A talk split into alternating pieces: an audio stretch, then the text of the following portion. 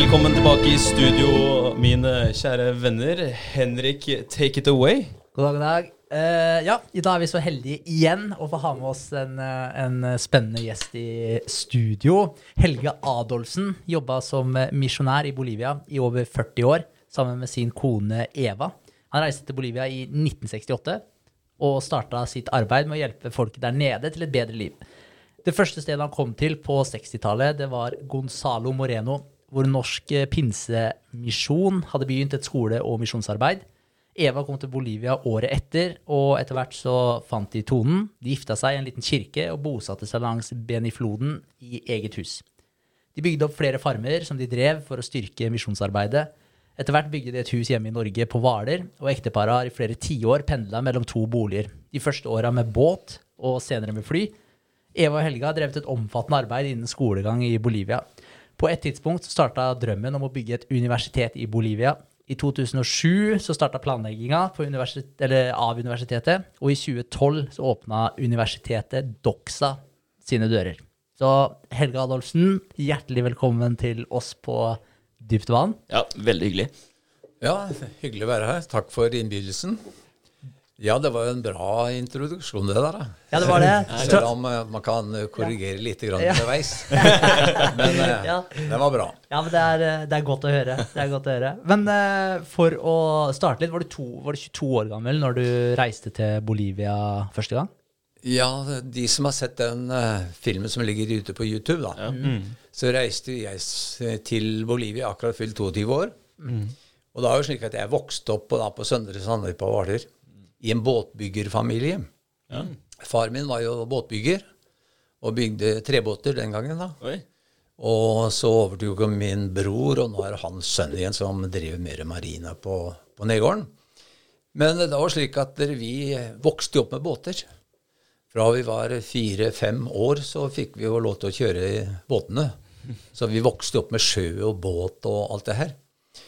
Og så var det vel sånn i 67 så kom det et spørsmål om jeg var villig til å dra til Amazonas i Bolivia for å overta båtkjøringer på Benifloden, som da var en misjonsorganisasjon, Pinsevennene.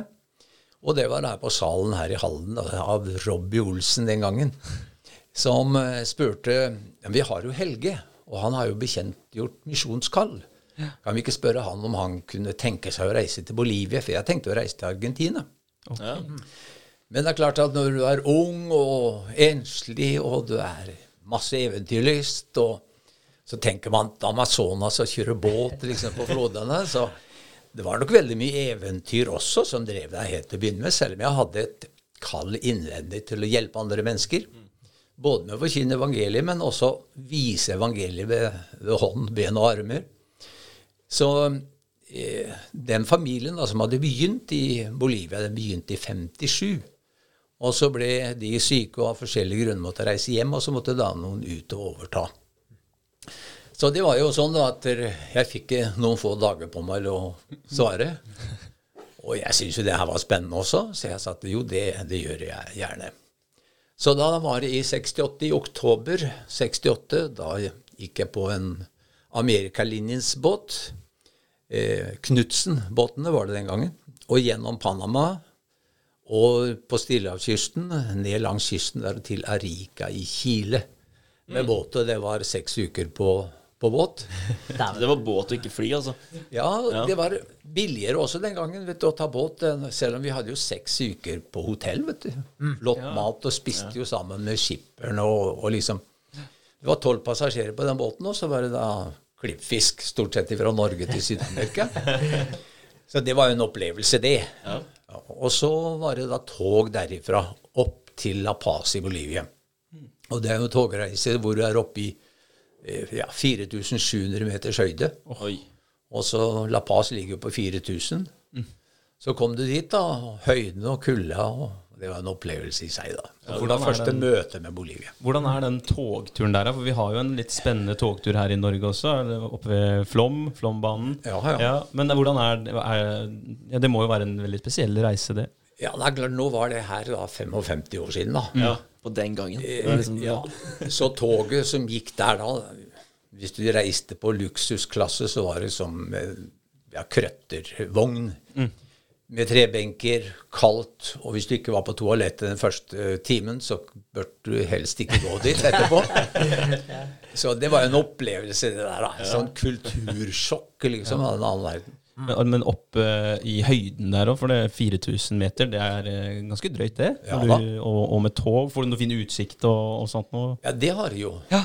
Flott utsikt og sånn når du kommer opp igjen. Men så har du jo fra Stillehavssiden så er det jo ørken. Helt til du kommer over eh, liksom Andesfjellene. Andesfjellene er jo liksom to fjellkjeder, da, den kongelige og den Andesfjellene. Og imellom de to fjellkjedene så ligger det jo altiplano. Den, plan, den slettene som ligger imellom disse to fjellkjedene, da, som er 4000 meters høyde. Og så har de jo fjeller helt opp i 7000 meter utenfor La Paz, så det er jo fantastisk eh, panorama da rundt der. Helt rått. Ja, det er heftig. Men da, altså, når du kom etter en reise men altså, Jeg må bare spørre om det òg, da. Når du hører en eh, seks ukers eh, båttur til Amerika i en alder av akkurat fylt 22 er det ikke noe frykt, redsel i det hele tatt? Det var bare vi, vi kjører på? Ja, nå tror jeg ikke jeg har vært så redd av meg i min tid. Nei. Så jeg likte vel utfordringen og også liksom den spenningen som det var. ja. Så nei, redsel var det jo ikke, men selvsagt var det spennende. Så når du kom til La Paz, da, så skulle du ta et fly, husker jeg. Og fly i 68 i Bolivia, da var det sånn kjøttfly hvor de surra dørene med tau på innersida. Og så to, to propellmotorer. Og så gikk du over Andesfjellene og ned til Vi først landa i et sted som heter Trinidad, midt nede i, på Pampasen. Steppene. Og der er det jo forferdelig varmt. da. Oppe i 40 varmegrader, sånn 35-40 varmegrader. Og da tenkte jeg hvor har jeg kommet hen? liksom? Den varmen møtte jeg da. da. Og så var det fly derfra videre til et sted som heter Riberalta, og så var det seks timer med båt oppover Benifloden til Gonzalo Moreno, som var stasjon som norske pinsevenner hadde oppretta ti år før. Dæven. Det er litt av en eh, tur bare for å komme, komme til reisedestinasjon. Ja, det var jo det, da. Heftig. Men da er det eh, Når du da kom til eh, Gonzalo Moreno, så, hadde, så var det allerede oppretta denne eh, holdt jeg på å si, den båten som ferdes på den floden. Den, det var på en måte allerede oppretta, så du skulle dit da for å ta over roret, egentlig? Ja. Ja. Det var jo slik at Erling Andreassen han var en storskipper. På Hvaler var det mange skippere da, der opp gjennom tiden. Og han var jo en skipper da, som eh, følte kall til å dra til Syd-Amerika, til jungelen. Så han begynte jo da med båttrafikken på Benifloden i samarbeid med en amerikansk misjon. Så han hadde jo begynt med det, og jeg kjente jo Erling, for han kom fra samme øya som meg på Hvaler. Så det hadde jo litt forbindelse med det at jeg kjente han, da. At jeg kom dit, da. altså så ble det at jeg skulle overta da flodmisjonen og kjøre båtene. og Men det var jo litt annerledes enn å kjøre båt ute i Hvalerskjærgården, da. Ja. Det, vil jeg tror jeg på. det er kanskje litt andre dyr også som beveger seg rundt og i eh, Benifloden, kanskje?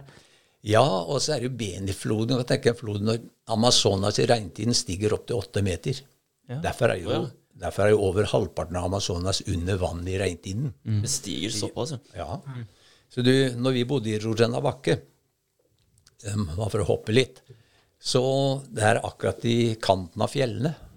Og derifra begynner urskogen, jungelen nedover. Der er helt flatt. Dermed så går den jo i sikksakk hele veien, floden. ikke sant? Så det du kan ja, fly på én time, det bruker jo altså 14 dager for å kjøre med båt.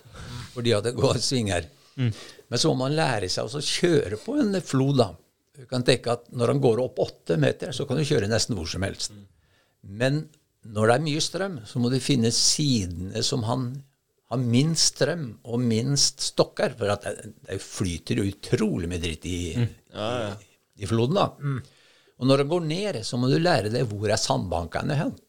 For det hendte jo stadig vekk at du plutselig kjørte på en sandbank, og så var det da å komme seg ut i floden og få skjøvet båten av osv. Men så lærte man etter hvert, da, så man på vannet hvor det var strøm. Og hvor det var dypt, og hvor du kunne komme for, forbi. Og det var å hoppe i vannet Selve Amazonas, eller Beni-floden, som er en biflod til Amazonas, da. Der er jo ikke så veldig mye sånn ville ja, dyr og sånn i den store floden. Men i de små biflodene som vi kjørte, der var det jo anakondaer og krokodiller og slanger og Ja, herregud. og eh, elektrisk ål. Alt, alt det. Ja, det er jo helt vilt. Har du noen gang hatt et møte med noen av de dyra, eller? Ja. Jeg har jo på Hvaler et anakondaskinn på 7,5 meter. Ja, du har det, ja? Ja, Dæven. som jeg skjøt ved flodkanten. Og det hadde med seg det at når vi kommer og besøker da, det folk som bodde langs med floden For før så var det eneste ferselåra, det var jo floden. Det var ikke veier i Amazonas. Og det kommer jo nå etter hvert, da, men det er 50 år etterpå. Så da ferdes man på floden. Da bodde folk langs med floden. Og særlig biflodene, da. Og så var det jo ned og hente vann. Og der gikk jo grisene, hønene ned til vannet, barna gikk ned og bada og så videre. Så kom vi til et sted inn i en flod som heter Hennesvaya-floden, en biflod til, til Beni. Og så møter jeg en familie og sier at vi kan ikke gå ned og bade, for det er en svær krokodille som ligger eh, nede i vannet. Og den ligger bare med nesa så vidt over vannskorpa, for så venter jeg til han får vibrasjoner i vannet, så, så kommer han. Men så hadde jo jeg med i båten da, sånne store hjemmelaga fiskekroker. Eh, og så tau. Og så sier han at eh, ja, men jeg har så jeg kan fiske, sier jeg. Ja, ja, da slakta jeg en gris. Så han slakta da en gris på ti kilo. Og så binder vi da den grisen fast rundt den svære kroken. Og så henger vi det halvannen meter over vannet i sånne kløver på tre. Og så taukveilen, og så må du binde fast til et passe stort tre som gir etter. Og så da på natta så hører du mm, mm, mm. Og så hopper han jo opp halvannen meter, og så tar han jo vogna, da. Og så forsvinner han. Og der til han får svelga da den grisen. Og da tok vi åtte timer for å dra den inn for å klare å skyte den krokodillen. Å, herregud. Så den, men den var da 5 meter og 60 lang og veide 800 kilo. Å. Så, og den slangen som jeg tok da, den hadde også begynt å gå inn i hønsehuset da, vet du, og ta ja, både høner og griser og hva som var. Så, Ja. så den skjøt vi også, da. Ja. Var det, var det den krok krokodillen, òg? hadde du med deg den hjem til Ja, altså, da, så både det skinnet og slangeskinnet har jeg på. Fantastisk. Fordi at jeg har jo reist rundt en del på skoler i Norge, da. Og hatt sånne foredrag om Amazonas og skog og sånn. Og så sitter du liksom på første benk en del av disse guttene på 15-16-17 år. Så det er misjonæren er kjedeligst som er, så de gidder. Og så sier jo ofte læreren at du klarer aldri å få ro på 400 sånne inne i et klasserom. Spiller ingen rolle. Jeg skal ha idrettshallen. Jeg skal ha alle. Og da pleide jeg å be dem to verste på første benk. Kan du holde i enden her? Og så ruller jeg ut i et krokodilleskinn på over fem meter.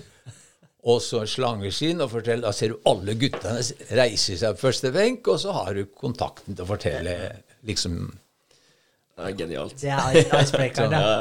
ja. Det er uh, sjukt. Men, uh, men de anakondaene som nå, altså når de først uh, kommer til et sted og begynner å plukke høner osv., stikker ikke dem igjen før de på en måte har uh, ribba alt? Har de én og én høne, eller er det bare Altså, Har du det problemet med den anakondaen så lenge det er mat til stede, da, når den først har funnet den lokasjonen?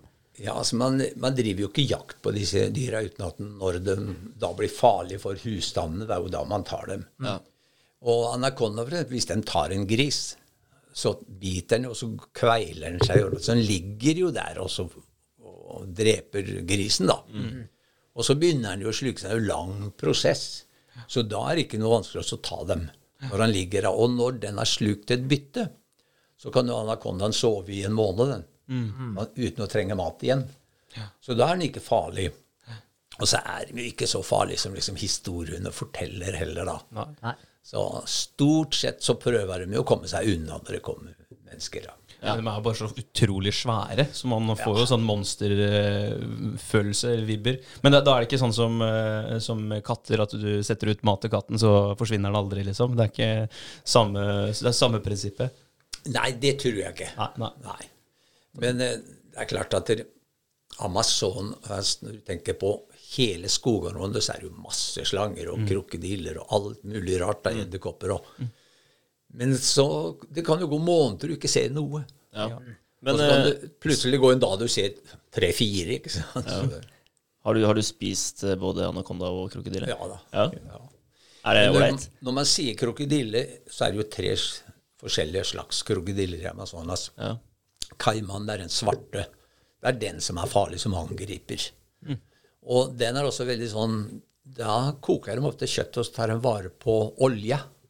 Og det er medisiner for lungebetennelse og ja, mange, mange sykdommer, da, mener de. Men så er det den andre krokodilla som vi kaller krokodille eller lagarto, som er mye i Florida. og sånn. Den kan du slenge hel oppå bålet, og så steker den seg sjøl. Og det er veldig godt. altså Halen på krokodilla er kjempegodt. Anakonda og sånn Jeg har jo spist det, men det er ikke det du spiser liksom vanlig. Men eh, det er altså veldig sånn fiberaktig kjøtt, da. Av- Men det er ikke noe galt i, i smaken. Ikke sant? Det er spennende. Eh, Men i forhold til da du startet på den uh, flod... Kaller du det flodmisjonen? Ja.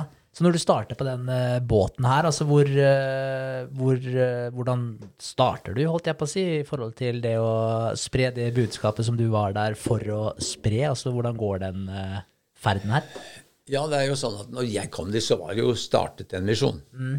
Så det var jo slik at når de første kom dit, så jobba de sammen med en amerikansk misjon som heter Bible, eh, Wycliffe Bible Translators. Og de misjonene de jobba blant mot uh, ville indianerstammer, eller fikk kontakt med ville indianerstammer. Fordi at når gummisamlerne og paranøttsamlerne kommer innover i skogen, så drar de med seg sykdommer, og så gir de alkohol til indianerne for å, få lov til å sanke på deres områder.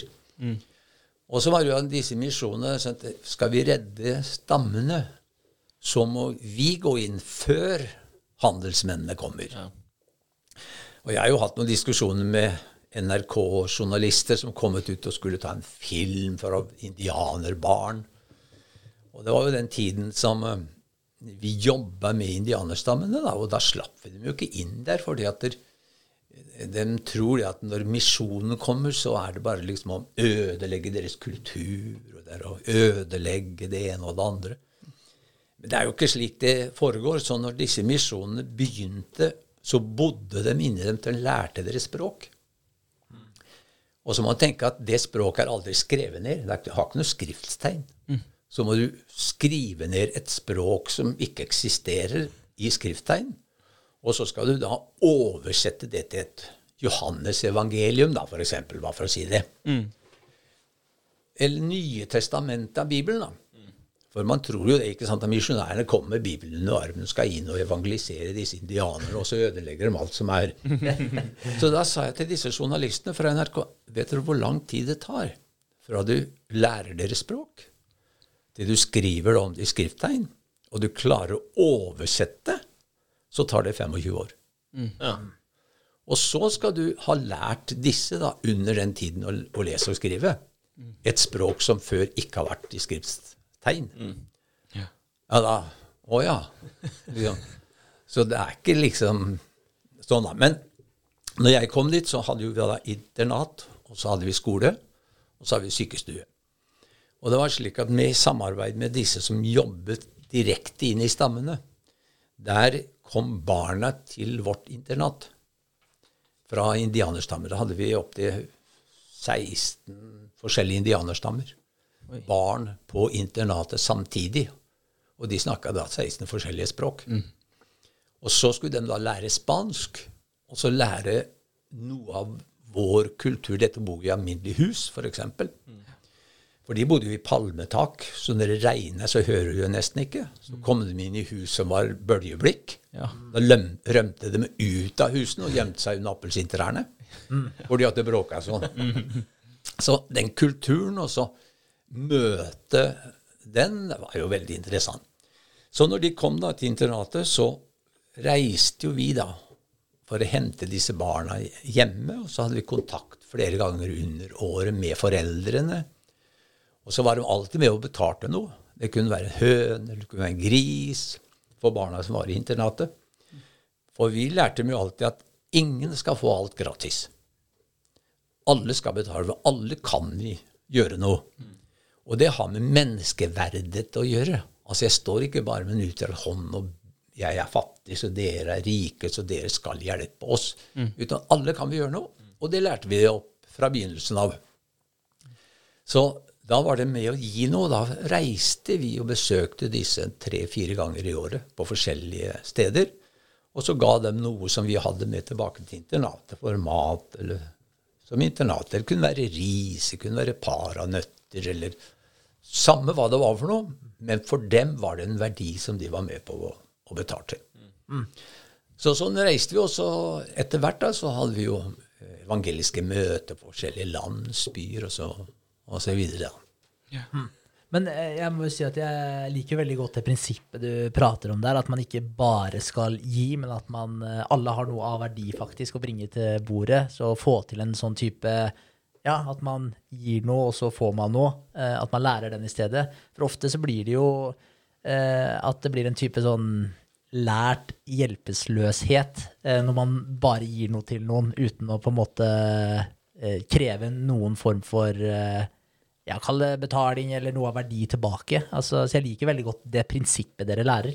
Legger kanskje litt opp til eh, en følelse av mestring også. Absolutt. For at, Ja.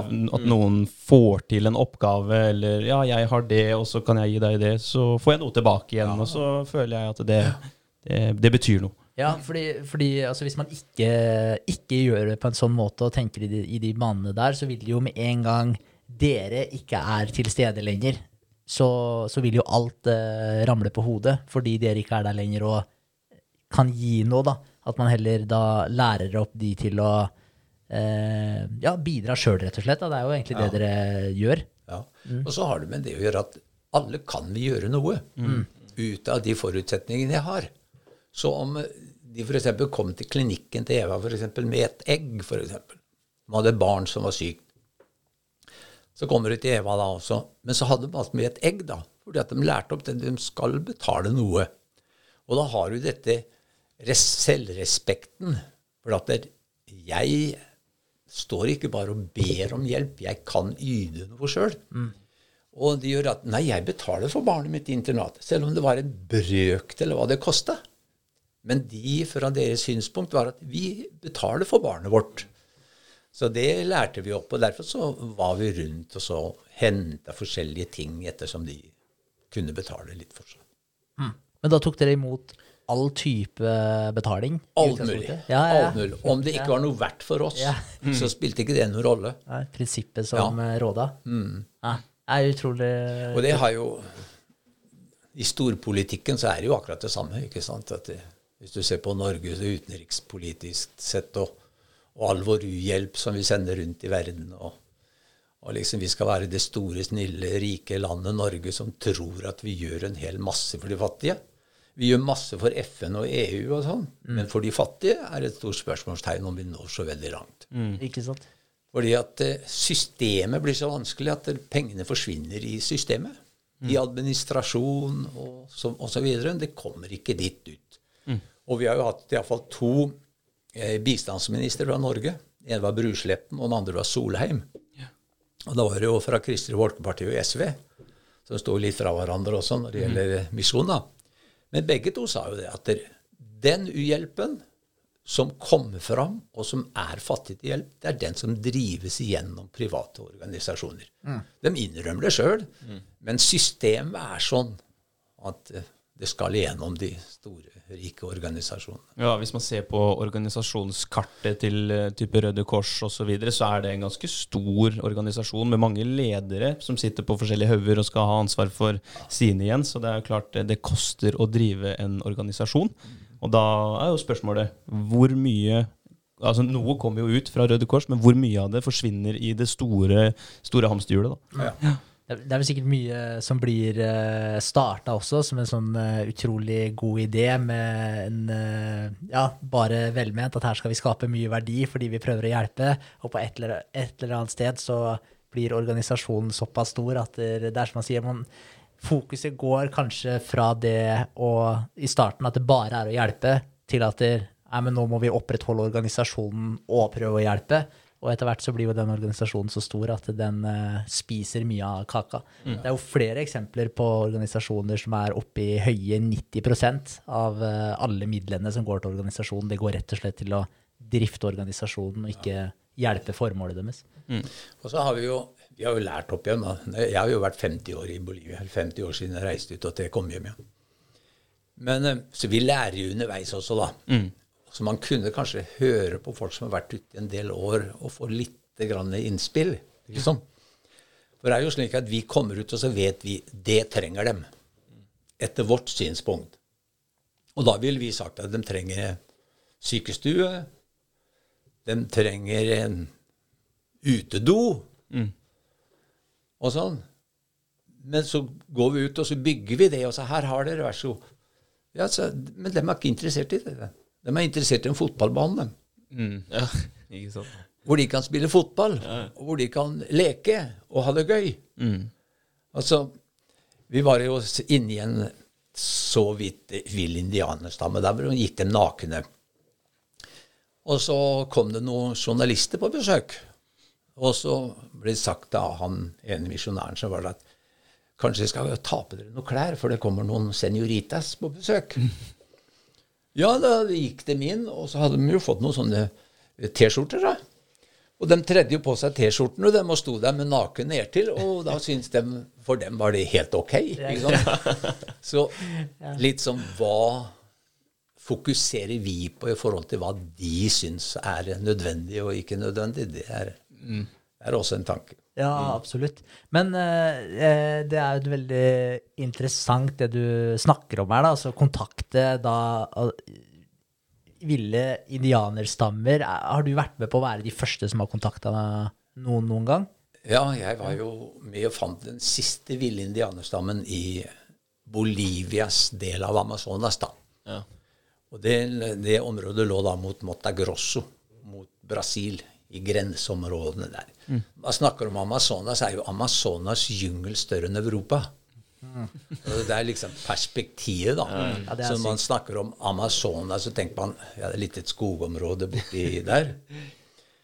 Eh, så der hadde vi da fått greie på at det, det skulle være en vill indianerstamme som ikke hadde hatt kontakt med, med hvite. da. De har jo kontakt med likesinnede stammer, kan de ha hatt.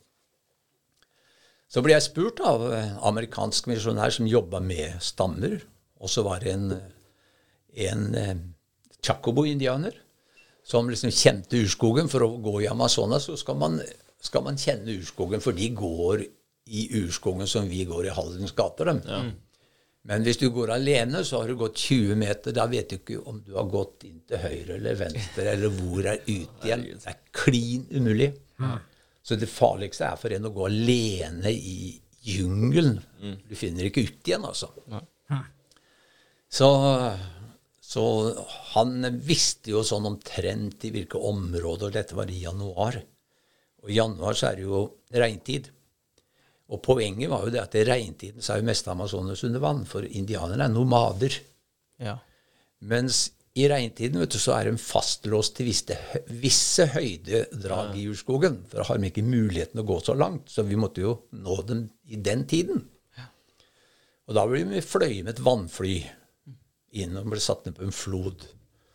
Og så sier piloten at om fire uker, fredag den og den, klokken ett, så er jeg her for å hente dere. er ikke dere her da, så er dere borte.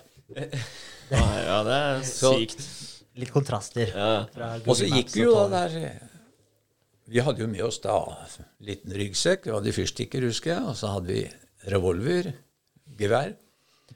Og så hadde vi hengekøye. Og så hadde vi noen få gaver. Og det var jo de klærne som vi gikk og sto i. Mm. Og så var det å gå og lete etter brekte kvister i jordskogen. Mm. Og det er jo slik at Indianerne brekker ikke sånn som hvis de har gått til dyr, for de tar alltid sånn tvinner kvistene. For det er deres måte å merke stiene på. Så hvis du fant én tvinne brekt kvist Her har det gått en inn. Mm. Og så var det å lete to dager etter, så finner du én kvist til. Vi hadde jo aldri klart det hvis vi ikke hadde hatt med han indianer som var vant til urskogen. Ja. For da hadde vi som amerikanere eller nordmenn som vel aldri kommet ut igjen. Nei. Nei, ikke sant? Så eh, det var jo viktig. Da. Det var han som liksom visste åssen hun skulle ferdes. Og så eh, finner du en kvist til, og så finner du en kvist til, og etter tre uker så finner du liksom en sti. Og der ligger det to stokker på kryss på veien, eller på stien, da. Og da er det jo sånn at da sånn at her må vi bare henge opp hengekøyene våre. Og så legger vi ut gaver.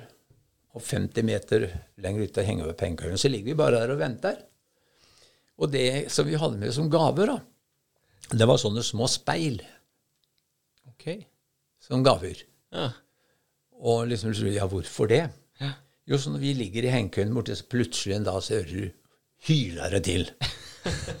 og da er altså at en indianer har nærmet seg speilet, og så kan du tenke at han løfter opp speilet og ser seg sjøl for første gang. Ja. Og bare den reaksjonen at han ser, så slenger speilet Det er en enda en indianer! roper han da, i det speilet. Og så nærmer de seg forsiktig, og så løfter speilet. Å, det er enda en indianer! Så det, det skaper av litt sånn eh, nysgjerrighet, da. Og så når han tok speilet og, og forsvant, så kunne vi gå videre. Helt til det sto i pil i veien. Så måtte vi legge ut sånne små lommekniver. Og så måtte vi vente til de tok lommekniven, da kunne vi gå videre. Så etter eh, nesten fire uker så fant vi jo ett palmetak. Og under der så bodde det jo 51 mennesker. Det var én mann, 13 kvinner, og så var det ungdommer og barn. Og mennene var jo da drept pga. innbyrdeskriger med stammer over i Brasil og så, og så videre, da. Så ja, lang historie kort, så, så fikk jo kontakt med den stammen. Og siden så flytta den stammen sammen med Tjakobo-stammen. Og det gjorde jo at begge stammene kjenner jo jeg godt i dag. At dem er jo Ja, de gifter seg imellom, de lever sammen. Så For det var jo ikke menn der, da. Så det er jo en måte å redde stammer som er på vei til å dø ut pga. innbyrdeskriger seg imellom. Men hva, hva er det som skyldes disse innbyrdeskrigene? Er det ressurser som hos, eh, hos de fleste andre? Makt og ressurser? Makt er nok eh, i folkesjela overalt i verden, tror jeg. Ja. Hvem som skal være sjef, og hvem som skal være høvding, og sånn. Og så er det nok mye kvinner i bildet, og det er som folk flest. eh, Eh, men så er det nok territorier også, at de slåss om dette området er vårt. Og så nei, det er bedre deres område enn vårt. Så begynner krigene for å få del i, i det her, da. Ja. Hvordan eh, får dere da, altså når dere har fått kontakt med de omsider, eh, hvordan, hvordan får dere holdt jeg på å si, kommunisert? Er det han andre karen dere da har med dere som står for kommunikasjon? Klarer han å kommunisere? Nei, Nei. men han kunne noen ord. Ok. Eh, Så det var en viss eh, språklig likhet mellom de stammene. Da. Og det er jo ofte for indianerstammen i jungelområdene har jo kanskje hatt mer et større oppkomme. Så har det blitt spredd utover av spanjolen, eller sånn at det har blitt masse smågrupper, men kan ha sin, sin eh, opp, opphav i ja. ja. Så noen ord kunne en. Men det er jo det som er interessant, at det, det går an å kommunisere selv om de ikke kan språk, altså. Ja, Begynne med kroppsspråk og alt mulig annet. Ja, peke på ting og, og, og, og forskjellig. Så du klarer jo å gjøre deg forstått, da. Men altså, hvor gammel var du da, når du var der? Ja, det var, da var jeg vel 24. Ja, jeg bare sitter her som eh, 28-åring og tenker at det er jo helt uh, sykt, egentlig. Og for en utrolig reise. Jeg, jeg vet ikke helt hva som hadde foregått oppi hodet mitt hvis jeg hadde vært langt inn i Amazonas eh, som 24-åring. samme guide og møtt, eh, møtt eh, stammer som jeg, som jeg ikke prata det samme språket samme engang. Det er veldig spesielt. Ja da. Ja. Jeg var jo i Amazonas jungel i nesten fem år før jeg reiste Før jeg var hjemme igjen. ja. Så Tenk deg det også. jeg gifta meg jo til og med der ute, så jeg kom jo hjem gift. Ja, det er også et, eh, et interessant uh, tema. For du, det er samme dame som du er gift med den dag i dag. Ja da. Ja, E- Eva, var det det? Ja da. Hvordan møtte dere hverandre? Ja, vi hadde jo liksom truffet hverandre på en misjonskonferanse i Norge. Ja. Men uh, det var ikke noe kjærlighet med i bildet her. Hun syntes nok jeg var altfor guttaktig, og jeg syns hun var altfor gammeldags. Det var vel egentlig sånn. Ja.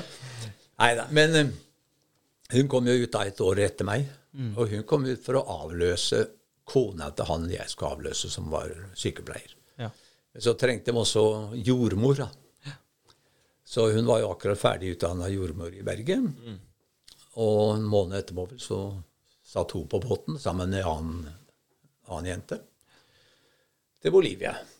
Så de kom jo på, til samme stasjon, da, for det var en stasjon som var Norsk Pinsemisjonsstasjon i den gangen. Så tok hun seg av klinikken, og så var hun med på flodturer også. For når vi reiste, så hadde vi sånn flytende klinikk, da. Så vi hadde alltid med sykepleiere for masse eh, sykdom blant mødre og barn spesielt. Av innvollsmark og anemiske og masse sånn.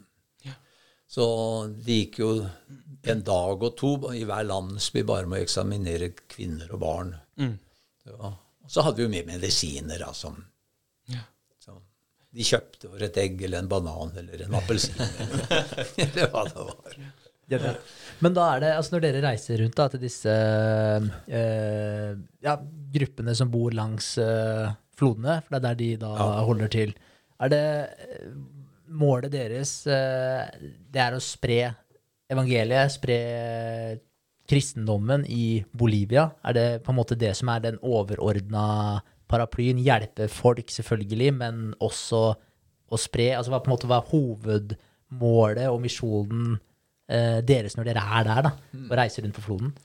Jo, det er, ho, hovedmålet er jo å liksom fortelle evangeliet, da. Og spre evangeliet. Og evangeliet er jo eh, kjærlighet til det neste. Altså, Guds evangelium ble jo vist til menneskene gjennom at han elsket oss. Så å spre evangeliet er jo ikke å bare stå på en talerstol. Altså, dine ord kan bli drept av det du gjør. Mens det du gjør, understreker dine ord. Så eh, det lærer man kanskje mye mer ute. Hvor det må gå hånd i hånd. Og det er jo det som er interessant, at folk opplever kristendommen på en kanskje mye mer spontan måte, fordi at de ser evangeliet i ja, ved hender og ben, altså i gjerning. Mm. Altså, De kom ikke bare for å for, forandre vår kultur, eller, og så er vi jo veldig forsiktige da, med hvordan man forkynner evangeliet der ute i forhold til her. da. Så jeg kan jo fortelle en sånn historie at det, du kom til en stamme, og eh, ja, mange som tok imot Jesus og sånn. da. Og så skulle hun bygge sin kirke, og så bygde jo vi da som vanlig firkanta kirke. Fordi at den norske kulturen er jo firkanta. Du ser her bare firkanta skjermer. Ja, firkanta bord. Vi er firkanta som nordmenn i vårt tankesett. Eh, så vi er jo veldig firkanta i veldig mye av det vi gjør basert i vår kultur. Så vi laga firkanta kirke òg, da. Og det gikk halvannet år, kom ikke et menneske inn. Selv om de hadde tatt imot evangeliet, da. Det gikk ikke inn. Helt til den dagen vi skjønte, så sier at Hvorfor går dere ikke inn? Nei, men deres Gud, han er jo så liten. Han har jo både begynnelse og ende. Ja. Han er jo firkanta. Vår Gud, se på månen, se på sola. Den er, han er rund. Han har ingen begynnelse og ingen ende. Ikke sant? Ja, så da måtte vi omvende oss. Altså fra vår måte å tenke Gud, da. Og Gud er jo større, han er evig, han er rund. Og nå måtte vi rive ned kirken, og så bygde vi rund kirke. Og kirken fylte seg med folk. Utrolig kult. Utrolig kult. Ja. Det er fett. En sirkel den har jo uendelig mange kanter. Ja, ja. men så, så, dere, så det er ikke egentlig bare det med å spre Guds ord, det er jo mer også å vise den eh, Ja, med mangel på et norsk ord, da, det embodiment av hva kristendommen går ut på. Ja. Eh, mm. ja. Så, ja, så det er det dere egentlig gjør da, når dere reiser rundt på floden, når du oppsøker de stammene i Amazonas, eh, så alt er innunder den paraplyen. Ja, og så har det jo med menneskeverdet å gjøre også. ikke sant? At selv om det er mennesker som ikke har noe, så har de jo et menneskeverd likt vårt. Og, og det å respektere dem og respektere deres kultur og, og være forsiktig med å trå på deres kultur. ikke sant? Og da må du jo nesten lære deg kunststykket å formidle et evangelium som er helt ukjent, da, inn i deres form for tankegang og kultur. Og det har vært veldig interessant. Veldig interessant. kan jeg tenke meg. Når jeg så på den eh, Det ligger jo en YouTube-dokumentar ute med deg. Den heter 'Fra Hvaler til Andesfjellene'. Eh, Når jeg så på den, så fikk jeg inntrykk av at der, eh, Det ble vel nevnt i en kommentar, det var kanskje du som sa det, i forhold til at dere kjørte den båten deres, men så brøt båten ned. og og da fikk ikke dere dratt til visse områder, men da tok dere årene fatt og padla i stedet, etter hva jeg forsto. Men, eh, og, og da virka det Jeg forsto i, den, eh, i den sammenhengen der som at det var akkurat som at de stammene dere kom til da, at de i utgangspunktet venta på dere. Stemmer det, eller, eller, eller misforsto jeg litt konteksten? Nei, det er nok veldig riktig. For det, når vi reiste nedover hovedfloden, Benifloden, så er jo alle langsmed floden indianere. Mens nå er det ikke der hvor de spesielt eh, isolerte stammene bor.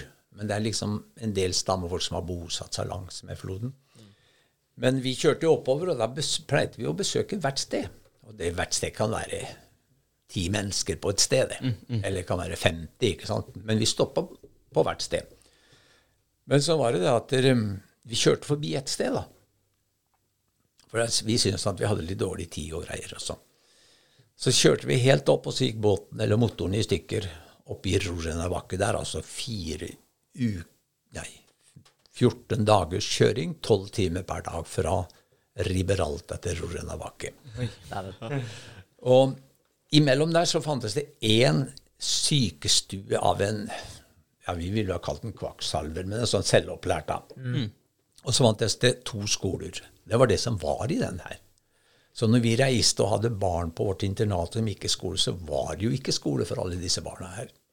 Og så var det jo vi som ble den helsestasjonen som reiste på Flodna, tok oss av helse for folk i den delen her. Men da bestemte vi nei, vi skal ikke kjøre forbi alle sammen. Så vi sendte Eva og noen til båten, bun- bundet fast til en annen båt, ned til Riberalta. Og så kjøpte vi en kano, en som heter Mariano og jeg, og så sa vi padler ned. Og da hadde vi en liten huuthulet trestamme. Det var ikke noe tak eller noe sånt. Så hadde vi plastikktønner hvor vi hadde klærne våre og brød og mat og sånn, for hvis vi hvelva i floden, så fløt tønna. Så begynte vi å padle, da. Og da padla vi fire uker. Nedover floden, helt til Riberalta. Og besøkte hvert eneste sted nedover. Og det er klart at hvor vi rakk fram til en sandbanke, så var det liksom å få opp myggnettet, og så sov du der på sandbanken. Kom du fram til et hus, og så du det huset. Men myggnett kan man ikke være uten. Nei. Nei. Da blir du spist opp. Ja. Så en gang ga jeg bort myggnettet myggnett til en dame som var, ja, var nesten døende i malaria. Men jeg ser aldri mer. For det er helt forferdelig. Ja, Her har du Helge som slåss med krokodiller og anakondaer, og så er den eh, mest redd for myggen. Ja, ja, ja. Iallfall mest irriterende. Ja, ikke sant? Ja, det er jo eh, helt utrolig.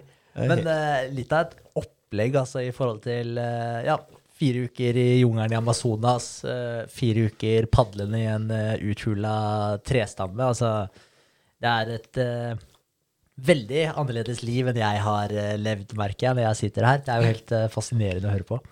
Ja, og for å liksom ta det litt videre derfra, så var vel vi i syv år rundt i Gonzalo Moreno.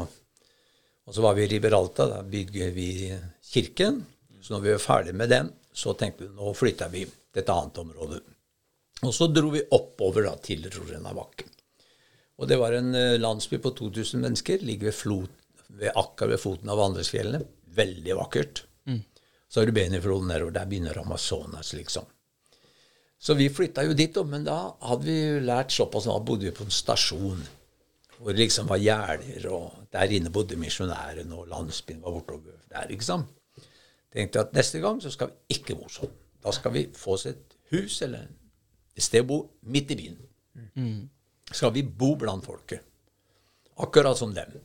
Så vi bygde et lite hus av jordstein og oppå en høyde. Og så tenkte vi her skal vi infiltrere oss blant folket. Så det første som skjedde når vi var der, det var at vi ble bedt av en familie. Kvinnen var sjefen for Maria-bevegelsen i den katolske kirken. Så det var katolikkere som inviterte oss hjem til Pascana, som var sånn mat en spiser på, på, på nyttårsaften. Og så ble jeg med i, i bystyret, på en måte, kommunestyret. Og Eva ble leder for, for hospitalkomiteen. Og jeg ble leder for flyplasskomiteen, og så ble det Så vi gled inn i alt det som skjedde i byen. Og det gjorde at vi fikk kontakt på en helt annen måte med folk. Vi ble en del av byen. Så det var en ny opplevelse i egentlig Rosena Bakke. Så vi var med på å liksom styre byen, og ikke bare det vi skulle gjøre, liksom. Så Eva jobba sammen med en turnuslege som kom dit, den første legen som var der. Så da tok Eva alle lette ting og alle fødsler, og så sendte hun alle andre ting til legen. Og jeg jobba med bykomiteen og sånt. Så da opplevde man eh, kanskje evangeliet på en litt annen måte. Vi vant dem fra undersida. Hva, var det, hva, hva tror du er årsaken til at dere fikk alle disse verva?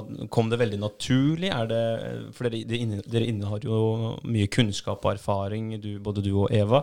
Men, men det skal jo altså Dere oi, konkurrerer jo på en måte med, med de lokale, og så kommer dere som er nye da inn i, inn i byen. Hva er årsaken til at dere får disse verva så naturlig? Ja, det har jo noe med Vil du? Altså, tilbyr du det, så Men så har det jo også noe med at vi var hvite. Ja. At vi var utlendinger. I en by, selv om det var jo fra før av en del utlendinger der. Men også var det det at vi hadde flom der en gang. Da fikk vi en del hjelp fra UD. Og da la vi opp ny vannledning i byen. Og det er klart at det gjorde sitt. Og så evakuerte vi 150 familier fra flodkanten lenger nedover. Og så tok den katolske presten, som var veldig imot oss, da Vi hadde jo ikke noe der å gjøre. Han var jo der, han. Så da hadde vi en sånn en morsom eh, første tid med han. Eh, så han skrev brev til meg sånn. Så en dag så gikk jeg inn på kontoret. Han, han var sveitser. Roger. Padre Roger. Så gikk jeg inn til ham og sa han, Hei, Roger. Du, du skriver brev til meg, så, jeg, så kan ikke vi prate sammen litt? Og han ble helt stille. Han visste ikke hva han skulle si. for noe. «Eh, Ja, sa han. Ja, men du, du skulle ikke komme hit og, og, og prate om Kristus. Jeg er jo her, sa han.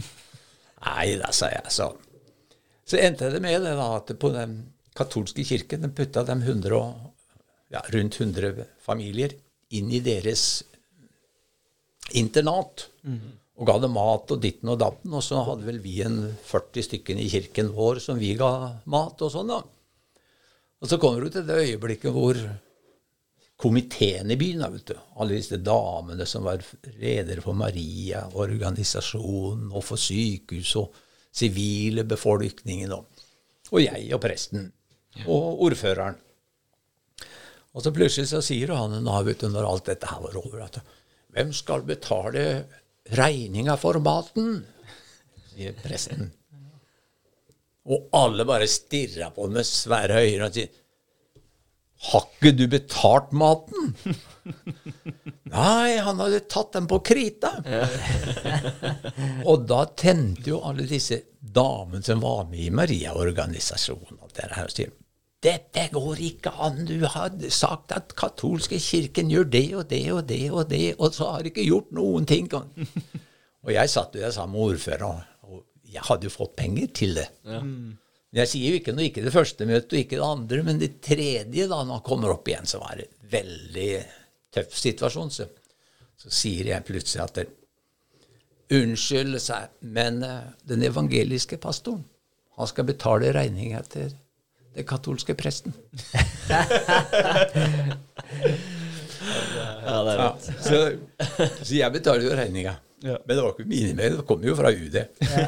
Men det gjorde at vi ble bestevenner ja. ut av det her. For at det var sånn at vi kom ikke for å konkurrere med han. Vi kom ikke for å Og som jeg sa til vi hjelper uansett om de er katolikker eller de er noe annet, eller de er ditten eller de er datten så skal du hjelpe folk som er i nød. Mm. Og det snudde sånn. Ja. Så det er klart, da fikk vi en helt annen image i byen. Ja. At vi kom ikke dit for å konvertere katolikkere til å bli evangelisk eller omvendt eller hva som helst. Men vi er der for å forkynne evangeliet, og så viser vi det i praksis. Og siden nå denne katolske presten var gammel, da, da var jeg leder i en menighet i La Paz. Da kommer han ofte på kontoret hos meg i La Paz. Mm. Og det er så herlig å høre dine prekener på TV-en, for jeg preker på TV-en to ganger i uka da, i La Paz. Og sier han, og det er så bra, sånn, så vi blir verdens beste venner. så det har litt med ja, Jeg tror at Gud gir deg litt visdom til å gjøre det på rette måte, da. Ja. Ikke konfronteres, men klare å vinne dem på en annen måte. Det var litt som du sa i stad, med at man, eh, man må vise ting med handlinger. Og det virker jo som om du er en veldig handlekraftig kar da, og, og, og, viser det virkelig i, i byen. og da, da, er det kanskje lett å få tilliten til de ulike vervene, og, og, folk vil at du skal ta ansvar videre. Ja da. Jeg har nok ja, Kona mi, da, og sier jo alltid du, 'Skal du begynne på det òg?' sier hun ofte. Så jeg har nok vært en sånn en Fra tanke til handling er det kort. Det kan være negativt av og til. Men så er det ofte også veldig positivt, iallfall i situasjoner hvor det er tregt å få til ting. Mm. Da må du liksom. Kom igjen her, nå! Ja. Og det, da skjer det noe. Ja. Men så kan man gå for fort også, selvsagt. Mm. Jeg syns jeg leste et sted at uh, kona di også har vært med på rundt 3000 fødsler. Ja, jeg tror det. Tatt imot 3000 barn? Ja, Og ikke mista ett eneste barn. Det er helt uh, fantastisk. Ja, det er imponerende. Og det var jo slik på natta, for eksempel, så Senora Eva, ja. Senora Eva Nå er søstera mi holder på å føde. Ja. Og da var det å ta sykkelen. Sykle bort igjen på en sti i landsbyen. Det var ikke lys, vet du. Nei. Og så var det å krype inn i ja, hytte, da, altså under et myggnett med litt sånn lampe med parafin på. Og der hadde hun fødsel der oppe i Tenk deg det. Ja. ja. og aldri, aldri mista et barn i fødsel. Det er eh, ja, utrolig. ja. Ja, det, det, er faktisk helt utrolig. Jeg har vært, nylig vært med på en fødsel uh, selv, og, og, det er jo spektakulære greier. Og jeg kan aldri se for meg at, å, å, å, se eller være med på en fødsel ute i, i jungelen, da, eh, inni en hytte uten eh, de hjelpemidlene vi har i dag da, på, ja. på et sykehus som, som, er i nærheten av der vi bor. Det er jo helt eh, enestående. Ja. Og, og, på de sykehusene vi har her i Norge, der mistes det jo barn ganske ja, ofte. så det, Eller ganske ofte, det har i hvert fall sett en del eh, mm. de, de, har en sånn oversikt på sykehuset på Kalnes hvor du egentlig får informasjon om hvor mange som har dessverre gått bort ved fødsel. Og det er, eh, det er noen. Så det er veldig bra at hun har fått til, uh, fått til det. Hun har jo tatt imot masse av misjonærbarna. misjonærbarn. Av misjonærer. I La Paz var det jo veldig mange utlendinger og, ja. og sånt som Så hun hadde fødsel. Ja. ja. det er helt rått. Ja, spennende.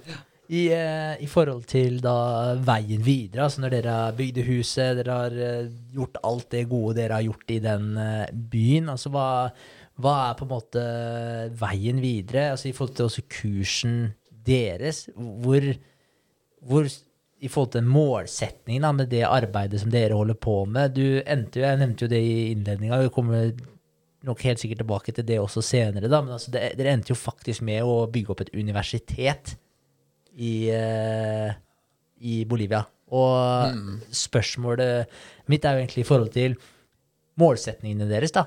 Når er det eh, Har du hele tiden sett for deg at det her er det ultimate målet å oppnå, eller ble det litt til som, som veien gikk? Hadde du voldsomt store ambisjoner, eller, tok du, eller falt det litt eh, på sin plass? Hvordan så du på det, egentlig? Jeg tror nok at det, det kom etter hvert mest, da. For når vi var i Rorana Bakke, så var, besøkte vi masse landsbyer, bygde kirker. Og så hadde vi internat i, i Rorena Bakke også. Og så bygde vi en skole i Rorena Bakke hvor rundt I dag er det 1100 elever. Den holder vi på å jobbe med nå også. Når vi var ute nå, så så vi på det. Men eh, så når vi hadde vært i Rorena Bakke i ti år, så har vi alltid hatt målsetningen at ti år på hvert sted, så skal det være selvstendig til at de driver det videre. Det har vært en målsetting. Men hvis du skal starte arbeid på et nytt sted, så må du være villig til å gi ti år av livet ditt der. Så jeg har ingen tro på at du kan reise ut for ett og to og tre år og etterlate deg et arbeid som skal gå videre. Det, det skjer ikke. Du har for kort tid til å få fram elementer som, som er store nok og viktige nok til å drive det her videre. Ja, fundamentet som Ja. tåler å stå. Ja, Og så har jo vi også, særlig når vi var i La Paz, da, men vi som misjoner, da, eller om du har Plan, eller du har Røde Kors, eller du har hva som helst andre, så har vi alltid tenkt på de fattige. Og tenk at vi må nå de fattige. Og det er klart de skal det. Men sannheten er det, og vår erfaring er det, at hvis du ikke når de fra middels og opp, så klarer du aldri å forandre et samfunn. Klarer ikke. Og da kan vi ta for eksempel Jeg studerte jo i, i eh, California, på Fuller. Jeg snakket om menighetsvekst og hvorfor det vokser, og hvorfor det ikke vokser. ikke sant? Eh, misiologi. Og da har jeg hatt det eh, Når du skal liksom få et arbeid til å stå på egne ben, så må du ha hatt en tid med folk fra middels og opp. Fordi at de fattige klarer ikke å forandre samfunnet. Hvis du har f.eks. Guatemala, du har Honduras, du har Colombia, du har Kenya Fire av de mest voldelige landene som fins.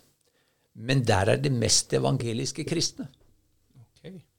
Og det er studiet av CBN som gjorde det gjennom Fuller. Så er spørsmålet Ja, men da hjelper det jo ikke noe om folk blir kristne. Det blir ikke noe bedre. Nei, sannheten er den at vi har bare prøvd å nå de fattige. Og de fattige har så respekt for de fra middels og opp. Ja. Så du må nå det sjiktet for å klare å forandre samfunnet. Så da begynte vi med å si at her må vi gjøre noe. Vi må nå de fattige, men vi må også nå de andre. Og det gjorde etter ti år, så dro vi videre fra Rojena Bakke. Og da hadde vi pastorer som var i kirken, og så, og så videre. Og da flytta vi til La Paz. Og når vi flytta til La Paz, så hadde vi nok noe av den visjonen som du sier, at vi sov i menighetene våre, eller forsamlingene, i jungelområdene.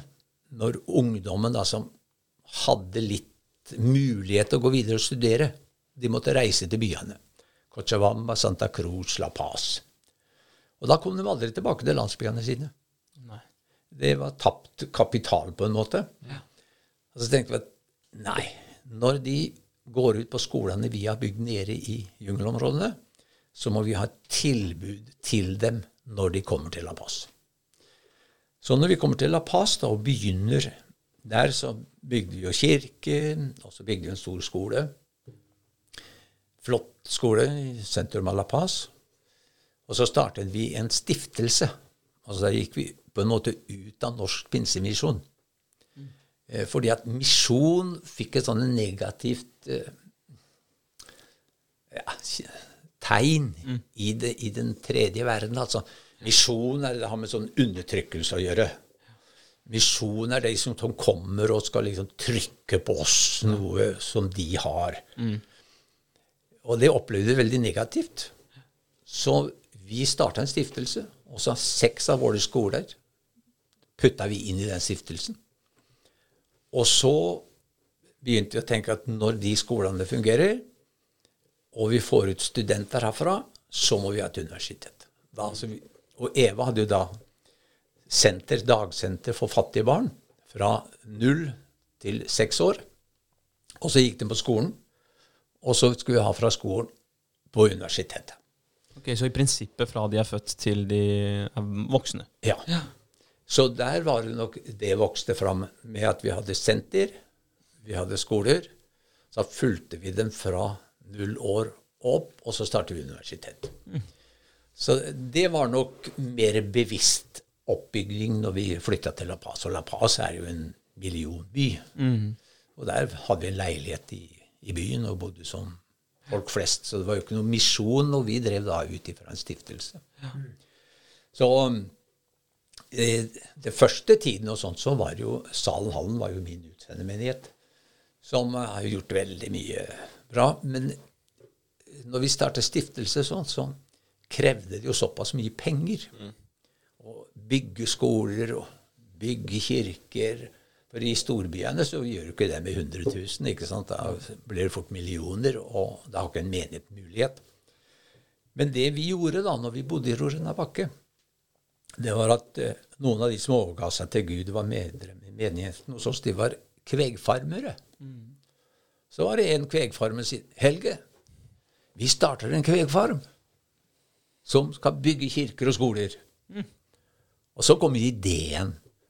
Og jeg syntes det her var veldig interessant. Jeg har ikke noen bakgrunn i kveg eller gårdsbruk eller Men jeg hadde jo ridd veldig mye på Pampasen når vi var og besøkte folk og landsbyer og sånn. Så jeg likte jo å ri. Og, og så var jeg i cowboyen og samla kveg på natta. Så satt vi ved bål og så fortalte en historier. ikke sånn, Halvparten var sånn, og halvparten var oppgikk er på.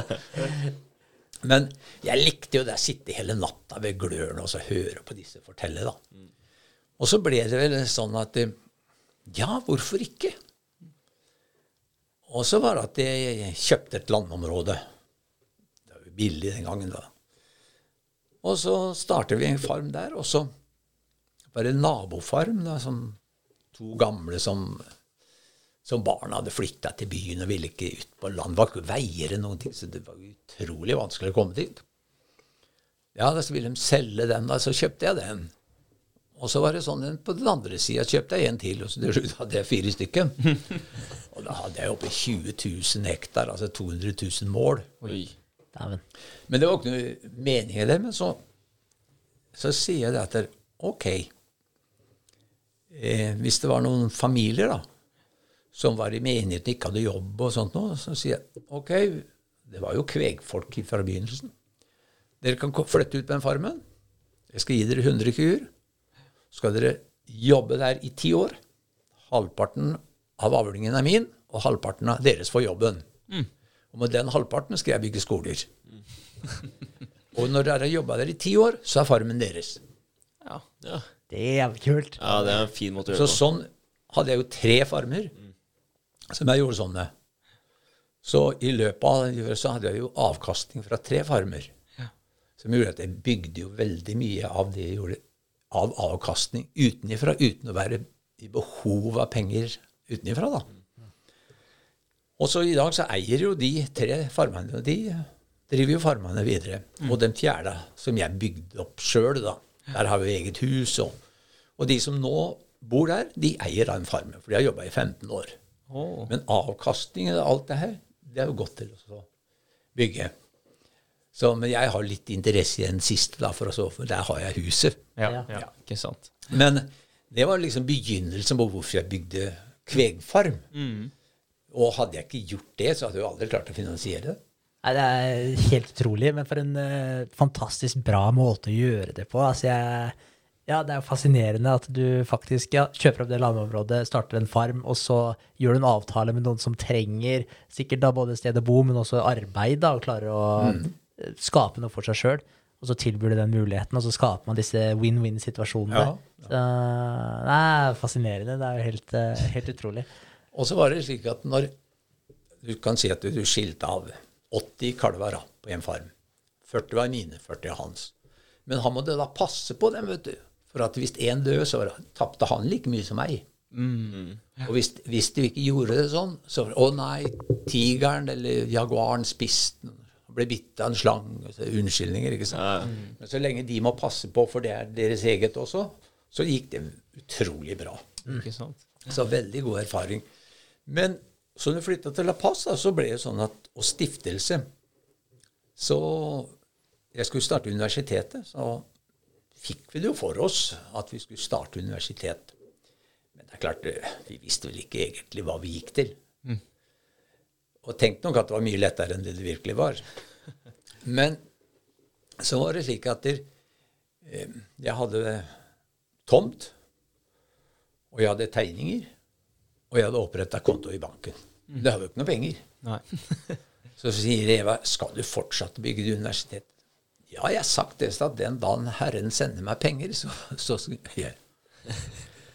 Så kommer det plutselig besøk til La Paz i en annen kirke. Så vi ber på kaffe. Og så. Det er altså en regnskapsfører fra Chicago og, og en kamerat av han.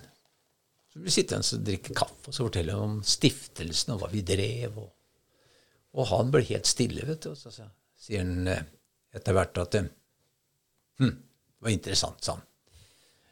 Eh, har du telefon? Har du mail? Ja da, sier jeg. Og han reiser. Et par måneder etterpå så ringer han og sier Du, har du tomt? Ja, sier jeg. Har du tegninger? Ja. Har du konto? Ja, sier jeg. Nei, Det er det første jeg har hørt om som har alt, men ikke penger. Så han jeg sender 150 000 dollar. Begynn i morgen. Sånn begynte universitetet. Fy fader.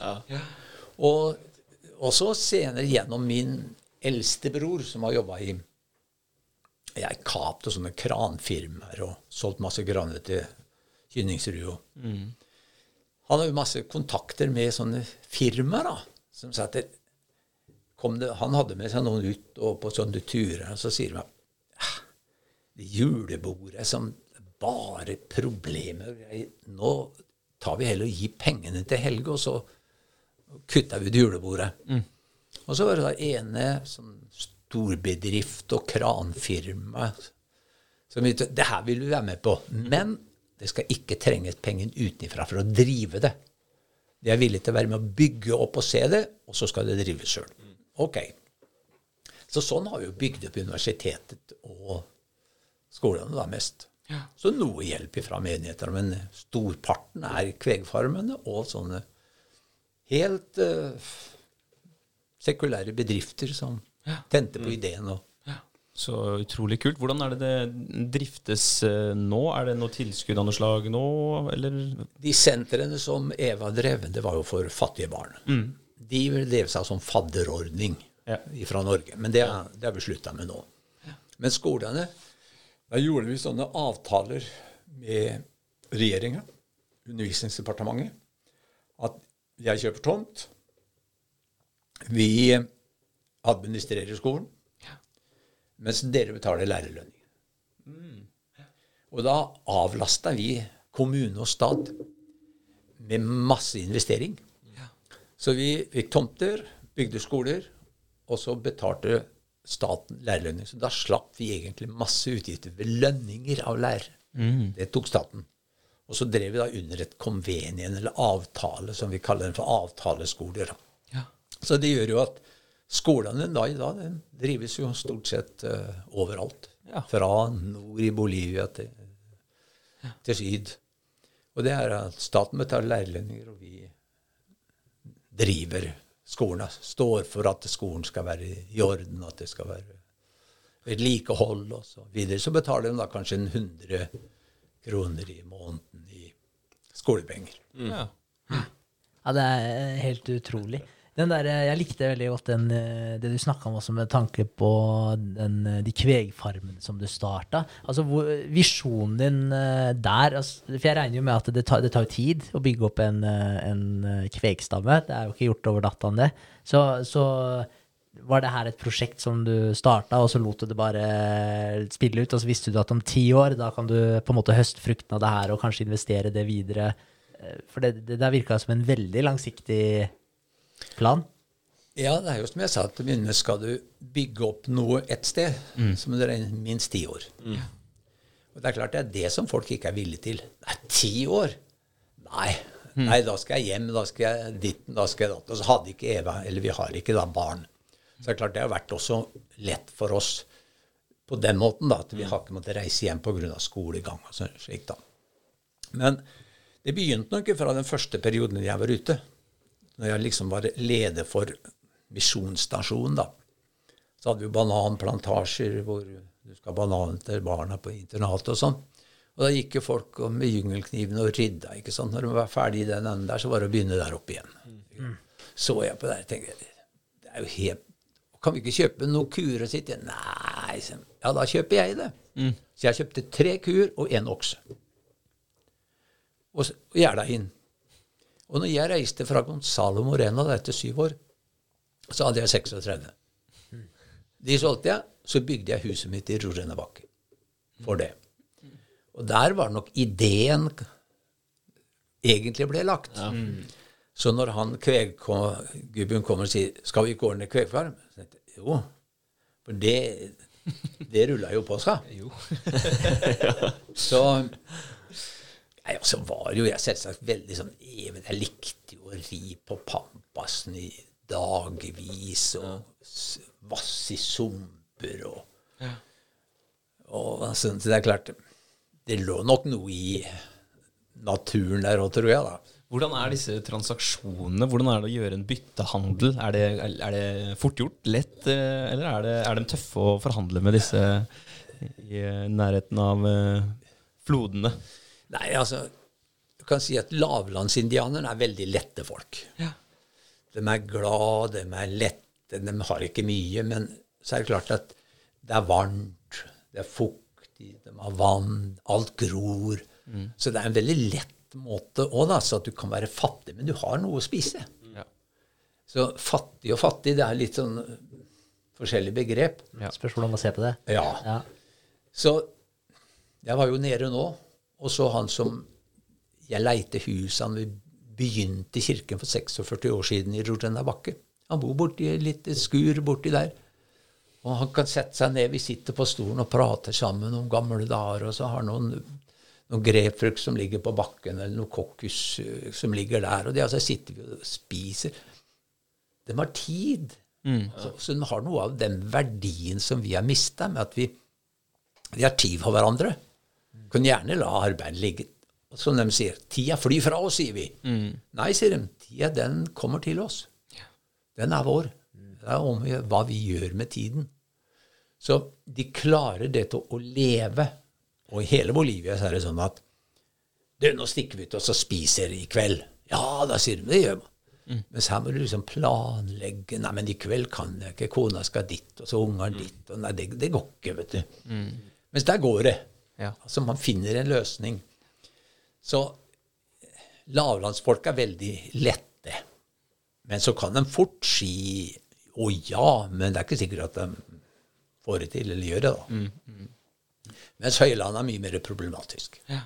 Bor i storbyene, så er det byråkrati og papirmølle. Og da skal den vise at de er sjefer, vet du. Ja, ja. Så der kommer han gringoen der igjen. Så han skal ikke få det så lett.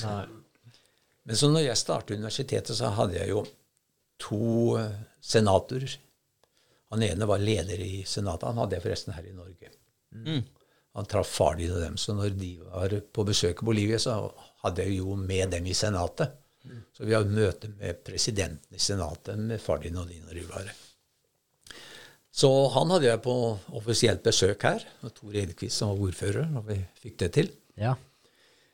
Så jeg fikk jo veldig kontakt, men det har jo med det at jeg bodde så lenge i Bolivia. Altså, så jeg var jo mer bolivianer enn de som satt i senatet, liksom. så jeg var jo med på høringer, på foredrag, og da sier jo han som var president i senatet Og siden av meg så sitter pastoren min. Så liksom rett ut.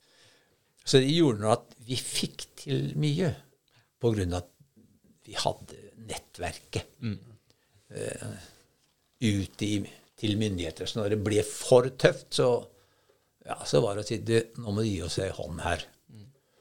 Og så, Men Høylandet er problematisk å, å få igjen. Vise makt. Ja. Og da må du også vise at du har makt. Ellers så fungerer det ikke, altså. Ellers så tråkker de på det bare. Ok, får jeg det ikke her, så går jeg dit. Altså, til presidenten, eller Men det gjør man bare når man absolutt må. For tråkker du en på tærne, så Ja. Lokker du en dør, kanskje? Ja, akkurat. Kanskje ikke de uh, tæra man vil tråkke på. Der. Men det er jo uh, Altså, du må jo ha lært deg å kjenne mennesker på en eh, helt unik måte i forhold til at du har hatt da kommunikasjon over lang, lang tid og levd da med folk i hele hierarkiet, for å si det sånn, helt opp til presidenten i Bolivia. Det må jo det, Ja, hva skal jeg si? Det Du må jo ha blitt en veldig god menneskekjenner etter hvert. Ja, det er klart at uh, du har bodd der i 50 år, så kjenner man måten man gjør ting på, hvilke veier man skal gå, hvor langt du kan tråkke og ikke gå over, liksom. Du lærer dem veldig godt å kjenne at her er det bedre å gå forsiktig, liksom. La det. Og så lærer vi jo at la de vinne en runde, men du tar det igjen i neste, liksom. Altså du skal lære å tape for å kunne vinne. Og det har liksom la dem få følelsen at denne gangen vant dem.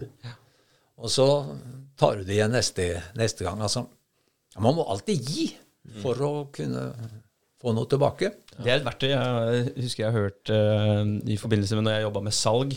Uh, det at det, man skal la kunden få vinne lite grann. Man skal få en følelse av at når man går ut av om det er salgskontoret eller om man uh, er på en eller annen bedrift, at man har, har en seier i lomma på vei ut.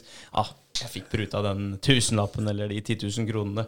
Den lille seieren der, den gir en, sånn, et mentalt bilde over det man nettopp har vært med på, som er veldig positivt. Så det tror jeg ikke gjelder bare i Amazonas og rundt uh, i flodene, men også for oss også, som eh, er her. Ja, jo da. Altså universitetet, det var Det var jo en lang gang å gå, egentlig, da. Ja. Men vi fikk det jo til, og vi starta jo opp, og eh, så kom det pandemien, da. Ja. Og da hadde jo vi fungert bare i tre år. Vi hadde, ja, vi hadde noen hundre elever som nå var på andre-tredje året. Men så følte vel vi at det nå var tiden for oss å reise hjem, da. Og så var det en som kom til i menigheten hos oss, som var rektor i et annet universitet. Han meldte Oda Boll. Bror hans eide egentlig universitetet. Nei, det var private universitet. Og så sier han at du har ikke tenkt på å fusjonere? For um, han så vel også det at vi ville slite veldig med å være så lite over lang tid før vi klarte å få hodet over vannet, liksom. Ja. Og ha såpass inntekter så at det ville gå. Så man tenker vel fem år. Så han så vel òg det, tror jeg, at vi slet med å liksom komme Hvorfor ikke fusjonere? Vi hadde åtte studieretninger. Så vi jobba jo litt med Universitetet i Stavanger på olje og gass. Og så hadde vi med Ås på, på miljø og, og jordbruk. Så vi hadde veldig gode baserte studieretninger, da, som var solide. Så det var det, når vi hadde kollokvium eller sånn småseminarer, vet du, så benytta vi oss for Norge sendte jo til Bolivia fra, fra Oljedirektoratet og fra Universitetet i Stavanger. Og en av dem var jo medlem i OPEC.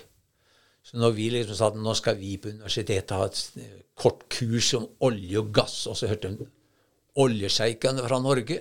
Det var et trøkk som var det. Så vi klarte tross alt i løpet av det å opparbeide litt status, da. Ja. Men så kommer han og tilbyr Skal vi ikke fusjonere? Og da sa vi det, og da sa han senatoren, som hjalp oss mye, det tror jeg vi skal gjøre. Så vi fusjonerte vårt da, med Udabol, og da ble vi plutselig 27 000 studenter i Bolivia. For de hadde jo fire store universiteter i fire største byene. Og da flytta vi folka over, og så flytta vi lærerne våre over. Og så styrer vi fortsatt visse av studieretningene på universitetet. Og det gjorde jo at da hadde ikke vi lenger ansvar for det økonomiske. Da tok jo de all administrasjonen. Så det er klart, det var midt i blinken for oss. Og så visste vi ikke at seks måneder etterpå så kom pandemien. Ja. Og hadde vi møtt pandemien uten å fusjonere, så hadde vi ikke klart oss. Nei. Nei, ikke sant? Nei, hadde ikke gått. Så der tror jeg det var Herren som la til rette. Overgi det her, så skal jeg ta meg resten.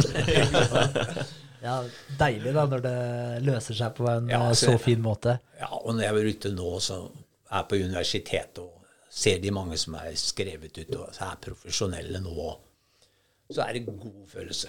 Vi ga det akkurat i tide. Altså. Så. Det er utrolig kult å ha vært med på å bygge opp eh, noe så stort i, i et helt annet land. Og, men på den reisen da, så har du vært innom, eh, innom mange ulike ukjente steder. Og så har du gått i, i jungelen. Det har vært eh, både høyvann og lavvann, holdt jeg på å si. Regnsesong og litt tørke. Jeg bare ser for meg at du går i, i den s- jungelen der med vann til både knær og hofter og sånn innimellom, og ikke vite helt hva du tråkker på. Det må være utrolig skummelt. Har du, noen, har du noen sår, har du noen bitt som du på en måte var litt redde for opp igjennom der? Det, hadde jeg hatt skikkelig Ja. problemer med. altså. Å ikke vite hvor jeg tråkker. Jeg tenkte på det i stad, og når du snakka om den fire ukers eh, Amazonas-turen, så tenkte jeg sånn Ok, sove der om nettene, Uh, ikke vet hva som rører seg i skog og mark. Jeg, jeg også hadde jo hatt helt uh, packeren ute i de greiene der. Jo, det, men jeg hadde blitt bitt av en slange. Eva ble det. Okay. Ja.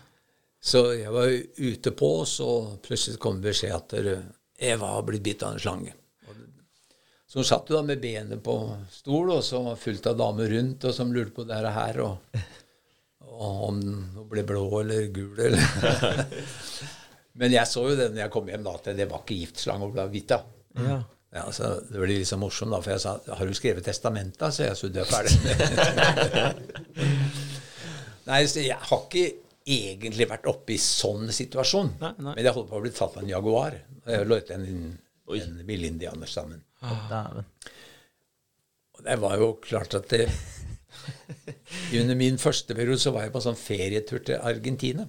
Jeg skulle reise landeveien da ned Bolivia, så over til Argentina. Ja. Og så skulle jeg derfra Kile, og så tilbake. Og så eh, hadde jeg behov for en ordentlig revolver vet du, med 15-16 skudd vet du, nede i gyngeren der. Så var det en i Argentina der som hadde en flott revolver, så jeg tenkte, kan jeg selge da? Å, tenkte jeg, den kjøper jeg. vet du. Og så var det akkurat i den tiden hvor Allende, eller Pinochet, kom til makta. Så når jeg kom på grensa over Mendoza og skulle over til Chile, vet du, så sto jo militære med maskingevær, og de måtte gå i sånne kanaler og kroppsvisiterte. Og da tenkte jeg nei, kjære gud, tenkte jeg, det her kommer jeg ikke igjennom. Så jeg gikk ut, og tenkte jeg, kast den. Når jeg skulle kaste den, da tenkte jeg nei, filler'n, jeg trenger jo den der revolveren. Så jeg tenkte jeg må gjøre et eller annet som de ikke tenker. Så jeg hadde en tom konvol- konvolutt i ryggsekken. Så la jeg pistolen inn i en tom konvolutt, og så tenkte jeg Jeg så jo på dem at de tømte jo veskene deres, vet du. Opp med hendene og undersøke og tenkte det er, ja, Vi gjør noe de ikke tenker. Så jeg holdt pistolen i konvolutten i hånda. Og når de sier 'opp med hendene', så rakk jo jeg hendene opp og holdt pistolen i handa. Og de undersøkte, da. Og jeg putta den ned i ryggsekken igjen. Og Og gikk jo, da. Ja, det er jo helt utrolig. Så, og den hadde jeg jo da når jeg traff den uh, jaguaren i, i urskogen. da. Det var slik at når vi skulle skaffe noe å spise Vi hadde jo ikke noe å spise med oss på den turen. Så vi skjøt jo ville dyr, apekatter, villsvin eller hva som helst. Og så laga vi bål og stekte. Eller spiste paranøtter. Men du kan ikke spise mer enn ti paranøtter om gangen, for ellers så bare flyr du på do. Så det var min tur. altså Jeg gikk jo inn igjen der, og plutselig så hoppa Robin jaguar like foran meg. Og brøler og flekker tenna, og jeg har jo revolveren her i bukselinja. Jeg tenker Ja. Snur jeg og flyr, så tar meg. Ja. Og skarskyter skyte igjen så er jeg ferdig. Ja. Men så hadde jeg sittet ved bålet og hørt indianerne fortelle. Og så sier de vet du, sånne historier da, at når jaguaren angriper, så skal du legge merke at han feller ryggen. Så har han hodet på en sånn måte at da flyr han på deg. Da kan du skyte den i øyet. Og da ligger han. Og jeg hørte på det her. Jeg tenkte bare historie. Men jeg står foran den jageren, så kommer den historia til meg. De sa at når, Og jeg ser jo vet du, hvordan han legger seg flatt, og så kommer Og så tar jeg opp pistolen og så sikter jeg på den, og pang! Og så kommer han. Og det eneste jeg husker, er at nå kommer han. Så igjen. Nå er jeg ferdig. Og så faller han ned ved føttene mine.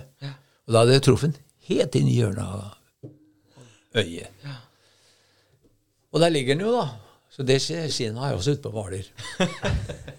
Og det var jo den gangen som det kanskje var nære nærme at jeg har tatt slanger i og sånn dumme ting. Det kan være andre. Skulle, vi hadde et par jenter som var ute frivillig. Så var vi inne på enden av farmen, da, og så får jeg se ned på sumpa der, en sånn sumpelere. At det er en slange som holder på å leke seg nedpå der. Så tenker jeg at eh, i morgen skal jeg ta den slangen så at de jentene kan få holde på den. Og tenkte jeg var en liten anakonda. Ja, så dagen etter så var hun fortsatt nedi der og holdt på å leke med noen noe smådyr. Så legger jeg meg på maven, for jeg, det var så gjørmete, så jeg kunne ikke gå. Så jeg aka meg fram på maven og skulle ta den her slangen. Og så når jeg kommer en sånn meter ifra, så står den rett opp, og så freser den. Og så sier jeg Nei, filler'n, det her er jo ikke noe annet enn konna. Det er jo den farligste giftslangen vi har i Syd-Amerika. Og så tenker jeg, der ligger jeg, kan ikke flytte meg en centimeter, og den står rett foran meg og freser. Og jeg ligger her og ser på den. Og så er det en liten kvist som ligger på den, så får jeg tak i den kvisten, og så kaster jeg sånt inn. Og plutselig så reiser den, og så farer den av gårde. Å, herregud. Jeg ble helt klam i hendene. Da sa jeg liksom etterpå Ja, ja. Det er mye dumt jeg kan gjøre for å vise deg fram, liksom. Så, men eh, jeg forteller en historie, da. Når det var en som heter Melian. Han var jo kvegeier. Det var han som fikk oss til å begynne med kvegavl. Veldig artig fyr, altså. Men der nede, vet du, så i jungelen så satt jo revolveren løs, da. Så det var jo sånn at det, kuler og krutt, det gikk alle veier, det. Så der kunne de skyte hverandre, og særlig hvis de hadde fått noen glass øl og litt sånn, da. Men så reiser du alltid med en revolver, da. Så tok han bussen utenfra der farmen og skulle inn til Rosedalen, og veien var veldig dårlig. Og da hadde han fått en sånn svulst oppi nakken på grunn av at når jeg rei, så løfta de med kalvene vet du, i full fart og opp på hesteryggen. ikke sant? Så han hadde ødelagt seg, da. Og så skal han ta bussen, og så sier han til han bussjåføren at vi kan sove en tre kilometer herfra, for der er det ordentlig gjørmehull, der kommer vi ikke over. Og jeg er dårlig, så jeg orker ikke. Nei, han skulle kjøre. Kjørte han seg fast, og så var alle passasjerer ut og skyv. Er 40 passasjerer. Og alle ut og skyver. Men kom seg opp av gjørma, da. Og så sier han Melian til sjåføren igjen at du, du, nå tror jeg vi kan sove her til i morgen tidlig, for lenger framme er et enda mer høl vi kjører oss fast i. Nei da. Han kjørte, og dermed sto dem. Ja. Og så sier han 'alle passasjerer ut og skyv'. Så gi- sa Melian nei, jeg skal ikke ut og skyve. For jeg har sagt til deg at jeg har så vondt, så jeg skal ikke ut og skyve. Og så kommer sjåføren bakover vet du, og ordentlig sånn sinna og sier 'Du skal ut og skive!' sånn. Ikke irriter meg, jeg skal ikke ut og skive. 'Du skal ut og skyve!' sånn, og bøyte sånn. Og dermed, ikke sant, så trakk han pistolen, og så satte han tinningen på gubben. 'Skal du eller jeg gå ut og skyve?' sånn. 'Jeg går ut, jeg', sa sjåføren. Og forsvant litt, annet, eh, litt annet miljø. Ja. ja, det er helt utrolig. Men han var helt utrolig. Ja. Melde an dem. Ja, så det var han som starta ideen om Ja. ja. kveidrifta og fikk deg inn Ja. på det sporet? Ja. Ja. Utrolig. Ja, det er veldig sinnssykt. Men, uh, men ja, herregud, for noen opplevelser i forhold til en jaguar som faller ned ved føttene dine, og møte den der uh, slangen. Nå vet ikke jeg hva navnet på den var, men uh, det er veldig surrealistiske ja, helt, situasjoner. da. helt vilt. Det er det. Men det er jo sant, når du forteller historier, så er det i løpet av 50 år. ikke sant? Mm. Så man tenker nå, nå forteller noen historier. Faen meg for å bo der. Ja. Det kan gå måneder du ikke ser noe. ikke sant? Ja. Men så er det klart at de turene vi har vært på, det er jo også sånne turer som du utsetter deg for å se sånne ting òg, da. Så, Det er klart det. Men eh, Eva oppi det her, eller eh, deg eh, i forhold til Eva også. Når du reiser på en uh, fire ukers eh, tur ute i Amazonas for å kontakte en vill indianerstamme, eller alle de andre tinga som dere har holdt på med, da. Altså, jeg regner jo med at dere har hatt flere eh, tilfeller hvor dere har vært fra hverandre i mange uker av gangen og vært utfor eh, ja, kanskje noen eh, åpenbart noen litt farlige settinger også. Hvordan, eh, eh, hvordan har det gått, og, og hvordan har dere på en måte tatt det opp i det hele? Når dere, jeg regner med dere ikke har noen telefoner hvor dere kunne prate med hverandre, og den kommunikasjonen som vi har i dag, da. I dag er det nesten så hvis ikke du sender eh, melding til dine kjære om kvelden, så er noe galt, ikke sant? Ja. nei, det, Eva hun er jo en slank, eh, oppegående kvinne som mange tror nok at eh, ikke er noe særlig tøff. Men hun er tøff. Så har det nok noe med at det hun har levd og liksom vært, så er gørte. Bare tenk på fødselen og forskjellige ting hun gjorde. sånn. Men det er klart, det var jo tøft av og til å være så lenge fra hverandre uten å vite. For du visste jo ingenting når vi var i urskogen. Og når vi bodde i Roranabakke, så hadde vi også en båt hvor hun reiste med to, tre, fire innfødte nedover. Hun var jo da sykepleier på båten, hvor jeg var igjen. Og da reiste vi jo fire uker og var borte på floden. Og før hun var hjemme igjen. Så det er klart at hun har vel følt på det at hun var mye alene. Enten at hun var borte, eller jeg var borte. Så det er klart, det har vel i tider vært litt tøft. eh, Særlig når vi bodde da i Rorenabakk. Og i La Paz så blir det litt annerledes når du bor i en storby, da. Og så hadde vi jo ikke noe kommunikasjon utenom vi hadde en sånn radio hvor du sa ifra sånn eh, kortbølgeradio. Hvor du kunne Nå kommer båten Ambassador liksom ditt og ditt og ditt. Men du hadde jo ikke, hadde jo ikke noe tilbakemelding om hvordan det gikk. da. Nei. Så det har vel vært tøft av og til. ja, skjønner jeg. Det er Er, er dere Ja, skulle du si det? Ja, jeg bare tenkte på altså, de, de stammene da, som er rundt i Amazonas uh, i dag. Altså, Er det fortsatt stammer som ikke er oppdaga, eller er alle registrerte og ja, er alle funnet? Ja, jeg tror at det finnes ikke stammer i Amazonas som ikke er uh, oppdaga. Ja. Jeg tror ikke det. Jeg tror alle er oppdaga. For sånn som i dag, f.eks., hvor vi gikk et par uke på bena sånn for å komme til forskjellige Det er jo veier i dag. Mm. Så om det så er dårlige veier, så, så er det veier. Så i Bolivia ja, er det iallfall ikke ville indianerstammer som gikk. Og jeg tror ikke i Amazonas i hele tatt. Ja, da har du liksom Bolivia, Peru, så har du litt i Ecuador, og så har du Colombia, litt Venezuela, og så har du Brasil. Mm. Men er det et system for å ivareta stammene? For at de ikke skal da. forsvinne? Ja, Ja. det er jo det. Når vi snakker om Bolivia, da, så har vi jo hatt en, en, en president i åtte-ti år som var indianer. Hæ? Fra Aymara-folket i Evo Morales. Så indianerne har jo blitt tatt hånd om av også regjeringer bedre og bedre etter hvert. da. Så de har jo fått en helt annen status i dag enn de hadde for 30 år siden. siden. Ja. Og det har nok også med det internasjonale samfunnet som har gjort mer press på de, eh, de originale gruppene som fantes rundt omkring. Mm.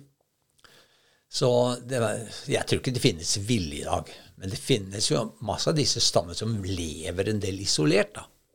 Det, det gjør det. Men det har litt med språk å gjøre for de som er eldre nå. da. De kan jo ennå ikke spansk. Og da blir du automatisk litt isolert. Selv om ingen isolerer deg, men du blir isolert pga. at du ikke kan språket. Kan. Spesielt. Ja, det er det. Det er, eh, ja, meget. Men jeg må jo si altså, inspirerende historie også. Så dere har jo vært med da og forma egentlig ja, i hvert fall store deler da, av eh, Bolivia, befolkning i Bolivia. Så dere har jo vært med her fra, som du var inne på også, fra start av. Her har det jo- åpenbart da hjulpet mødrene, fordi de eh, må jo kunne bli avlasta i forhold til eh, barnepass for at de skal kunne jobbe og tjene noen kroner også. Eh, Så det å ha et, et ordentlig hva kaller det, dag, daghjem, som de kan, ja, dagsenter, som de kan være og besøke og ha en god innflytelse og ta vare på, på barna der, videre til skolen, og så helt opp til videregående. Eh, Jeg likte utrolig godt eh, den ene setningen du sa også. Det var vel et annet eh, Det lå et annet åtteminutters YouTube-klipp også. Det var vel fra noe Jeg husker ikke hvem som hadde lagt ut jeg, men samme kan det være. Men det du sa, var jo der så Ja, nå slakter jeg sikkert sitatet ditt lite grann, men det var i forhold til det å kunne ha en, en innflytelse på eh, mennesker eh, sånn at når de eh, vokste opp og tok eh, lederstillinger eh, og er med på å forme samfunnet, at de gjør det samtidig som de frykter Herren. Og det, og det, og det traff meg jo litt, da, for jeg føler jo og ting som vi ser i dag i, i samfunnet i, i Norge, hvor det på en måte sklir mer og mer ut, at man har en hva skal man kalle det, en, en høyere makt da, som, som er en dømmende kraft over deg, at folk skyver det mer og mer til sides, og man, eh, ja, man oppfører seg som, nesten som om man bestemmer sin egen eh, moral.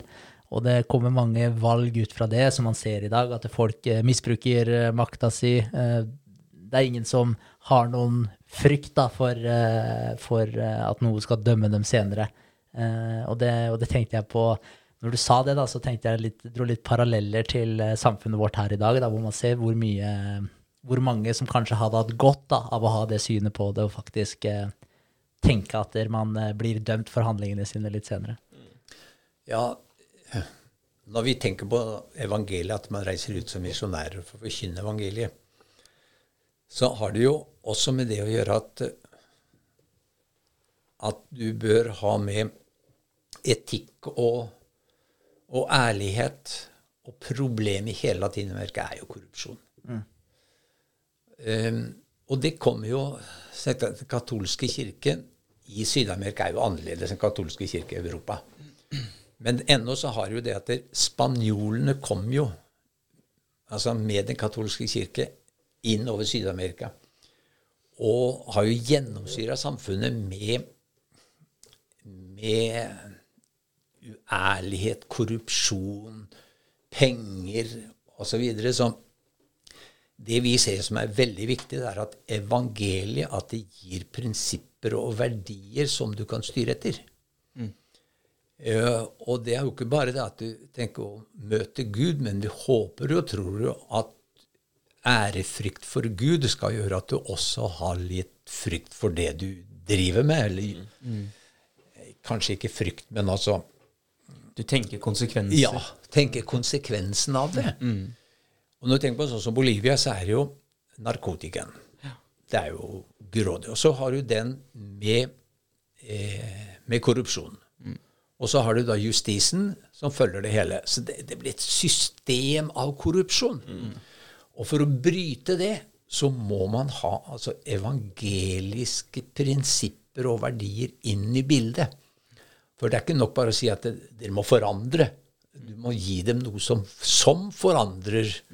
Og det er jo der vi tror at evangeliet har makt til å forandre også systemet som man jobber etter. da. Klare å forankre det i noe. Ja, og vi opplevde det iallfall når vi holdt på universitetet i La Paz og hadde kontakt i, i Senatet. så ba jo de oss om en gang i uka å ha små gruppemøter i Senatet. Hvor vi da tok opp for eksempel temaet ærlighet, korrupsjon, altså ut ifra fra et bibelsk synspunkt. Og da kom det ikke liksom bare med Bibelen under armen, men man tok opp temaer som var viktige for dem. Og så hjalp man på en måte de også til å Ja, ja, det er riktig, det, er, det skal vi prøve å ta tak i. Så jeg tror evangeliet er veldig viktig i formasjon av mennesker, selv om man ser negative ting i alle religioner og, mm. Og kirke. Så. Men det skulle iallfall fra Bibelens synspunkt så skulle det være Mennesket burde bli forandra også når det gjelder forhold til sine medmennesker. Mm. Jeg syns det er veldig synd at ikke mer av kommunikasjonen eh, blant eh, ja, fra kirken og utad. Eh, jeg har jo vokst opp eh, ja, kristent eh, av kultur. Jeg har vært i kirka ofte på julaften og sånne, i sånne settinger. Og så selvfølgelig med bryllup, dåp og, og, den type ting. Men da i utgangspunktet mer av kultur, da. Men det jeg syns er så synd, da, det er at ikke prester osv. prater da mer i de banene som du snakker om der. At man tar opp faktisk reelle dagligdagse temaer som det med ærlighet, hvordan du burde oppføre deg, eh, nestekjærligheten, og tar opp det på en måte som man faktisk får knytta det ordentlig til det praktiske i dag. For jeg er jo helt enig i at det er ekstremt mye verdifullt man kan uh, ta med seg, enten man har uh, blitt frelst, eller om man ikke har det, men at man i hvert fall kan ta med seg alle disse prinsippene og knytte det opp i, i ja, de tinga man møter da, i, i dagliglivet. Ja. Og, og der, der, føler jeg jo at der, eh, Spesielt da i forhold til prester osv. som jeg har vært borti, så det blir så mye det blir så veldig svevende mye av det, i stedet for at de klarer å knytte det til noe, noe håndfast. Da. Uh, så ja, jeg vet ikke. Hva tenker du om, uh, om, det i forhold til den kommunikasjonen der? Vi bruker nok mye mer tid ute til å disippelføre evangeliet. Altså okay at du lager disipler. Altså de skal være etterfølger av ikke bare et person, men av en, et evangelie som har verdier og, og alt sånt med seg. Mm. Og så samler man i kirken på søndag til festmøte.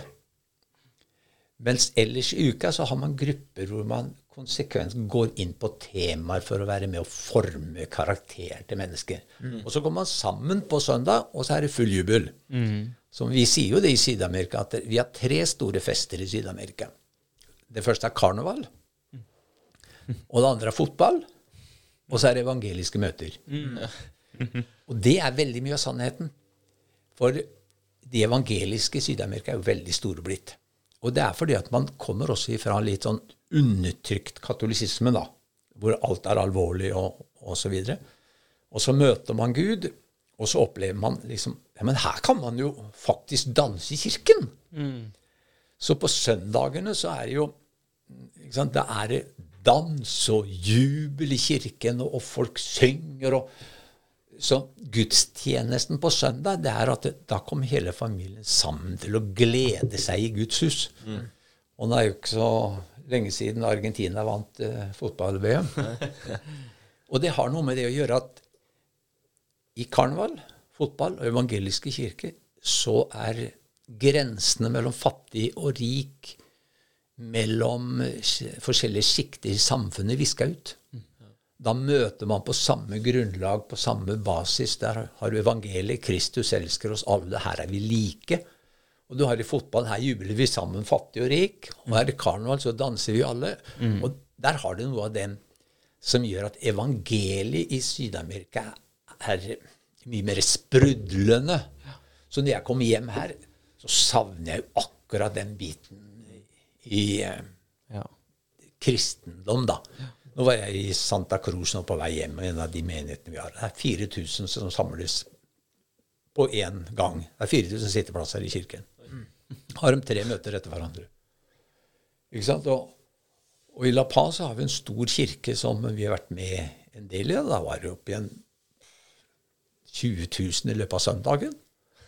Ikke sant? Og hvis du står der altså forkynner eller sier et eller annet, så står hele forsamlingen på 7000-8000 mennesker oppe 'Dette var for meg! Dette var for meg!' Mm. Altså det er en respons som, mm. som er helt unik. Og, og det savna jeg her. Det må gi utrolig mye da, tilbake igjen, når man, Ja, når man er med på noe sånt og står uh, foran de. Jeg syns jeg leste et sted at du hadde Eller at det var i en av kirkene det var 7000 plasser, men ofte så samles, samles det seg opptil 30 000 mennesker Ja. i, eh, i kirken. Og det, det begynner klokka seks på morgenen. Ja. Og så står de i kø i to timer for å komme til neste møte, som begynner klokka åtte. Ja. Og så fylles det, og så tømmes det. Så da er det 30 000 innom i løpet av, av den dagen. Det er helt, eh, Ja, det er helt helt rått. Det er noe annet enn eh, Halden. eh. I, Kan man si, ja. ja. Det er jo selvsagt også masse masse små menigheter i Bolivia. Ja. Men det har på grunn av at alle har jo ikke biler. Alle har, så det blir sånn som det var her før i tida. Vi hadde et på Paulsborg, vi hadde et på Aspedammen, vi hadde et på Hov. Mm. Sånne lokaler, ikke sant. Så sånn er det jo veldig mye av det. Men når kommer jo over til jungelen nå, når vi hadde på 46-årsjubileum i Rorena Bakke nå, så var det jo 500 på møtene på fredag, 500 på lørdag. Søndag var det 600 til middag. Altså, det er snakk om fattige folk, etter våre synspunkt. Da Og da hadde man altså kjøpt 60-70 kyllinger, altså høner, og serverte middag til alle de folka. Og her skal du prøve å lage en liten middag i menigheten, så må du vel ha tre menighetsmøter for å få det til. Ja, Kronerulling i et par måneder forkant, ja. Ja, men dessverre. For dem så er det dette å komme sammen, få spise sammen og spise alt jeg orker. Ikke sant? Det det er bare fest bare i det. ikke sant? Der har de veldig mye av det som du kan savne hjemme. Det fellesskapet som de har, på tross av at de har lite. Hvor klasseskillene er viska ut, og, og mennesket er menneske. Ja. Ikke så mye mer enn det. Nei. Det kan jeg tenke meg er, eh, er flott. Ja. Ja. Utrolig. Det er litt forskjell på det man, eh, det man ser på som eh, rik og fattig. Altså Ofte så har vel kanskje folk her, her til lands, og sikkert mange andre steder som er ja, hva skal jeg si, kommet tilsvarende langt, om man kan si det, det da, som her. At det på mange steder så har vi sikkert kommet kortere også i forhold til de ja, man verdsetter mye materialistiske ting og tenker at alle som ikke har de samme materialistiske godene som det vi har, de er fattige, men så har de en uh, rikdom som ikke vi klarer å få tilbake i det hele tatt, kanskje. Det tror jeg er sannheten. Vi har mista en rikdom som jeg tror altså når jeg var guttunge, da Det er jo en del år siden, det. da. Så kan jeg også huske at det var mye mer sterkt fellesskap i familien. Vi gleda oss jo til jul. Det gjør vi sikkert ennå også. Men da var vi jo glad for en sokk. ikke sant? Ja, ja, ja. Jeg husker hun jeg først kjøpte min første olabukse av egentjente penger. Det var jo det var stort. Og da var jeg nok en 12-13 år. Så, så jeg tror at det, i vår materialistiske verden, jaget etter å ha Det tror jeg har drept noe av andre verdier i samfunnet vårt. Så nå skal ikke jeg være negativ, men når vi kommer hjem, da, så ser vi jo forskjellen. Ja. Og jeg kritiserer ikke at folk har det godt i Norge. Det tror jeg vi er verdt å ha det godt. Ja. Men faren er at vi glemmer kanskje verdier som er større enn akkurat å eie alt. Ja, ja ikke sant. Det var vel noe av det siste vår forrige gjest eh, sa også. Count your blessings. Ja. At man skal vite hvor godt man har det, og, og være glad for det man har, uansett, eh, Ja. uansett hva det er. Ja. ja. Absolutt. Eh, tida går jo som vanlig ekstremt fort når vi har interessante gjester å prate med. Altså, Den flyr ikke. Tida flyr ikke. Nei, det kommer, kommer- til oss. kommer til Ja, oss, det kom til oss uh, fort i dag. Eh, Helge, har du noe på tampen her som du har lyst til å dele? Et, uh, noe lytterne burde ta med seg videre? Altså hva som helst, avslutningsvis. Ja, jeg tror det at det, man skal ikke slutte å drømme og ha tanker om uh, framtida. For når jeg reiste du, fra Hvaler, så hadde jeg jo ikke stort mer enn folkeskole, framgangsskole og bibelskole. Og så ble jeg altså styreleder for universitet. Og for det måtte jeg ha hatt femårig universitetsutdannelse. Så den tok jeg i La Paz for å starte universitetet. Så tok jeg seksårig universitetsutdannelse i lederskap osv. osv. for å gjøre det. Så det å ikke miste drømmene i livet. Og liksom Ja, man kan gå gjennom vanskeligheter, man kan ha det tøft, men ikke miste drømmen om morgendagen. For det tror jeg at det, det har noe med at vi holder liv i oss sjøl. Men jeg tenker at vi kom fra Hvaler til Andesfjellene, så må jeg vel si det at det, Når det snakker kanskje veldig mye om meg og Eva, men så er det jo masse folk bak oss, da. Og med oss. Ja. Og det er klart at hele den gjengen Men det er jo ikke når vi var ute nå og møter masser av disse folka igjen. Og glede å møte dem igjen, se forandringer, se folk som i dag har familier, er profesjonelle, har kommet seg opp ifra dyp fattigdom etter våre øyne. Så det er klart bare den gleden over å få være med på å hjelpe noen opp og fram. Og jeg tror det, det største vi har i livet, det er å egentlig leve livet for, for andre. Ikke bare seg sjøl, liksom. Ja. Og det har noe med den kristne arven som jeg tror vi har egentlig i bunnen i Norge. Denne ærefrykt for Gud, ærefrykt for det som er rett og riktig. Og dette å elske våre medmennesker. Og jeg gir videre av den kjærlighet som Gud har vist oss gjennom Jesus Kristus. Og nå er vi inne i jula. Og jeg egentlig ønsker at alle skal få en fantastisk jul sammen med alle sine. Men glem ikke hvorfor vi feirer jul. Og vær takknemlig for det vi har.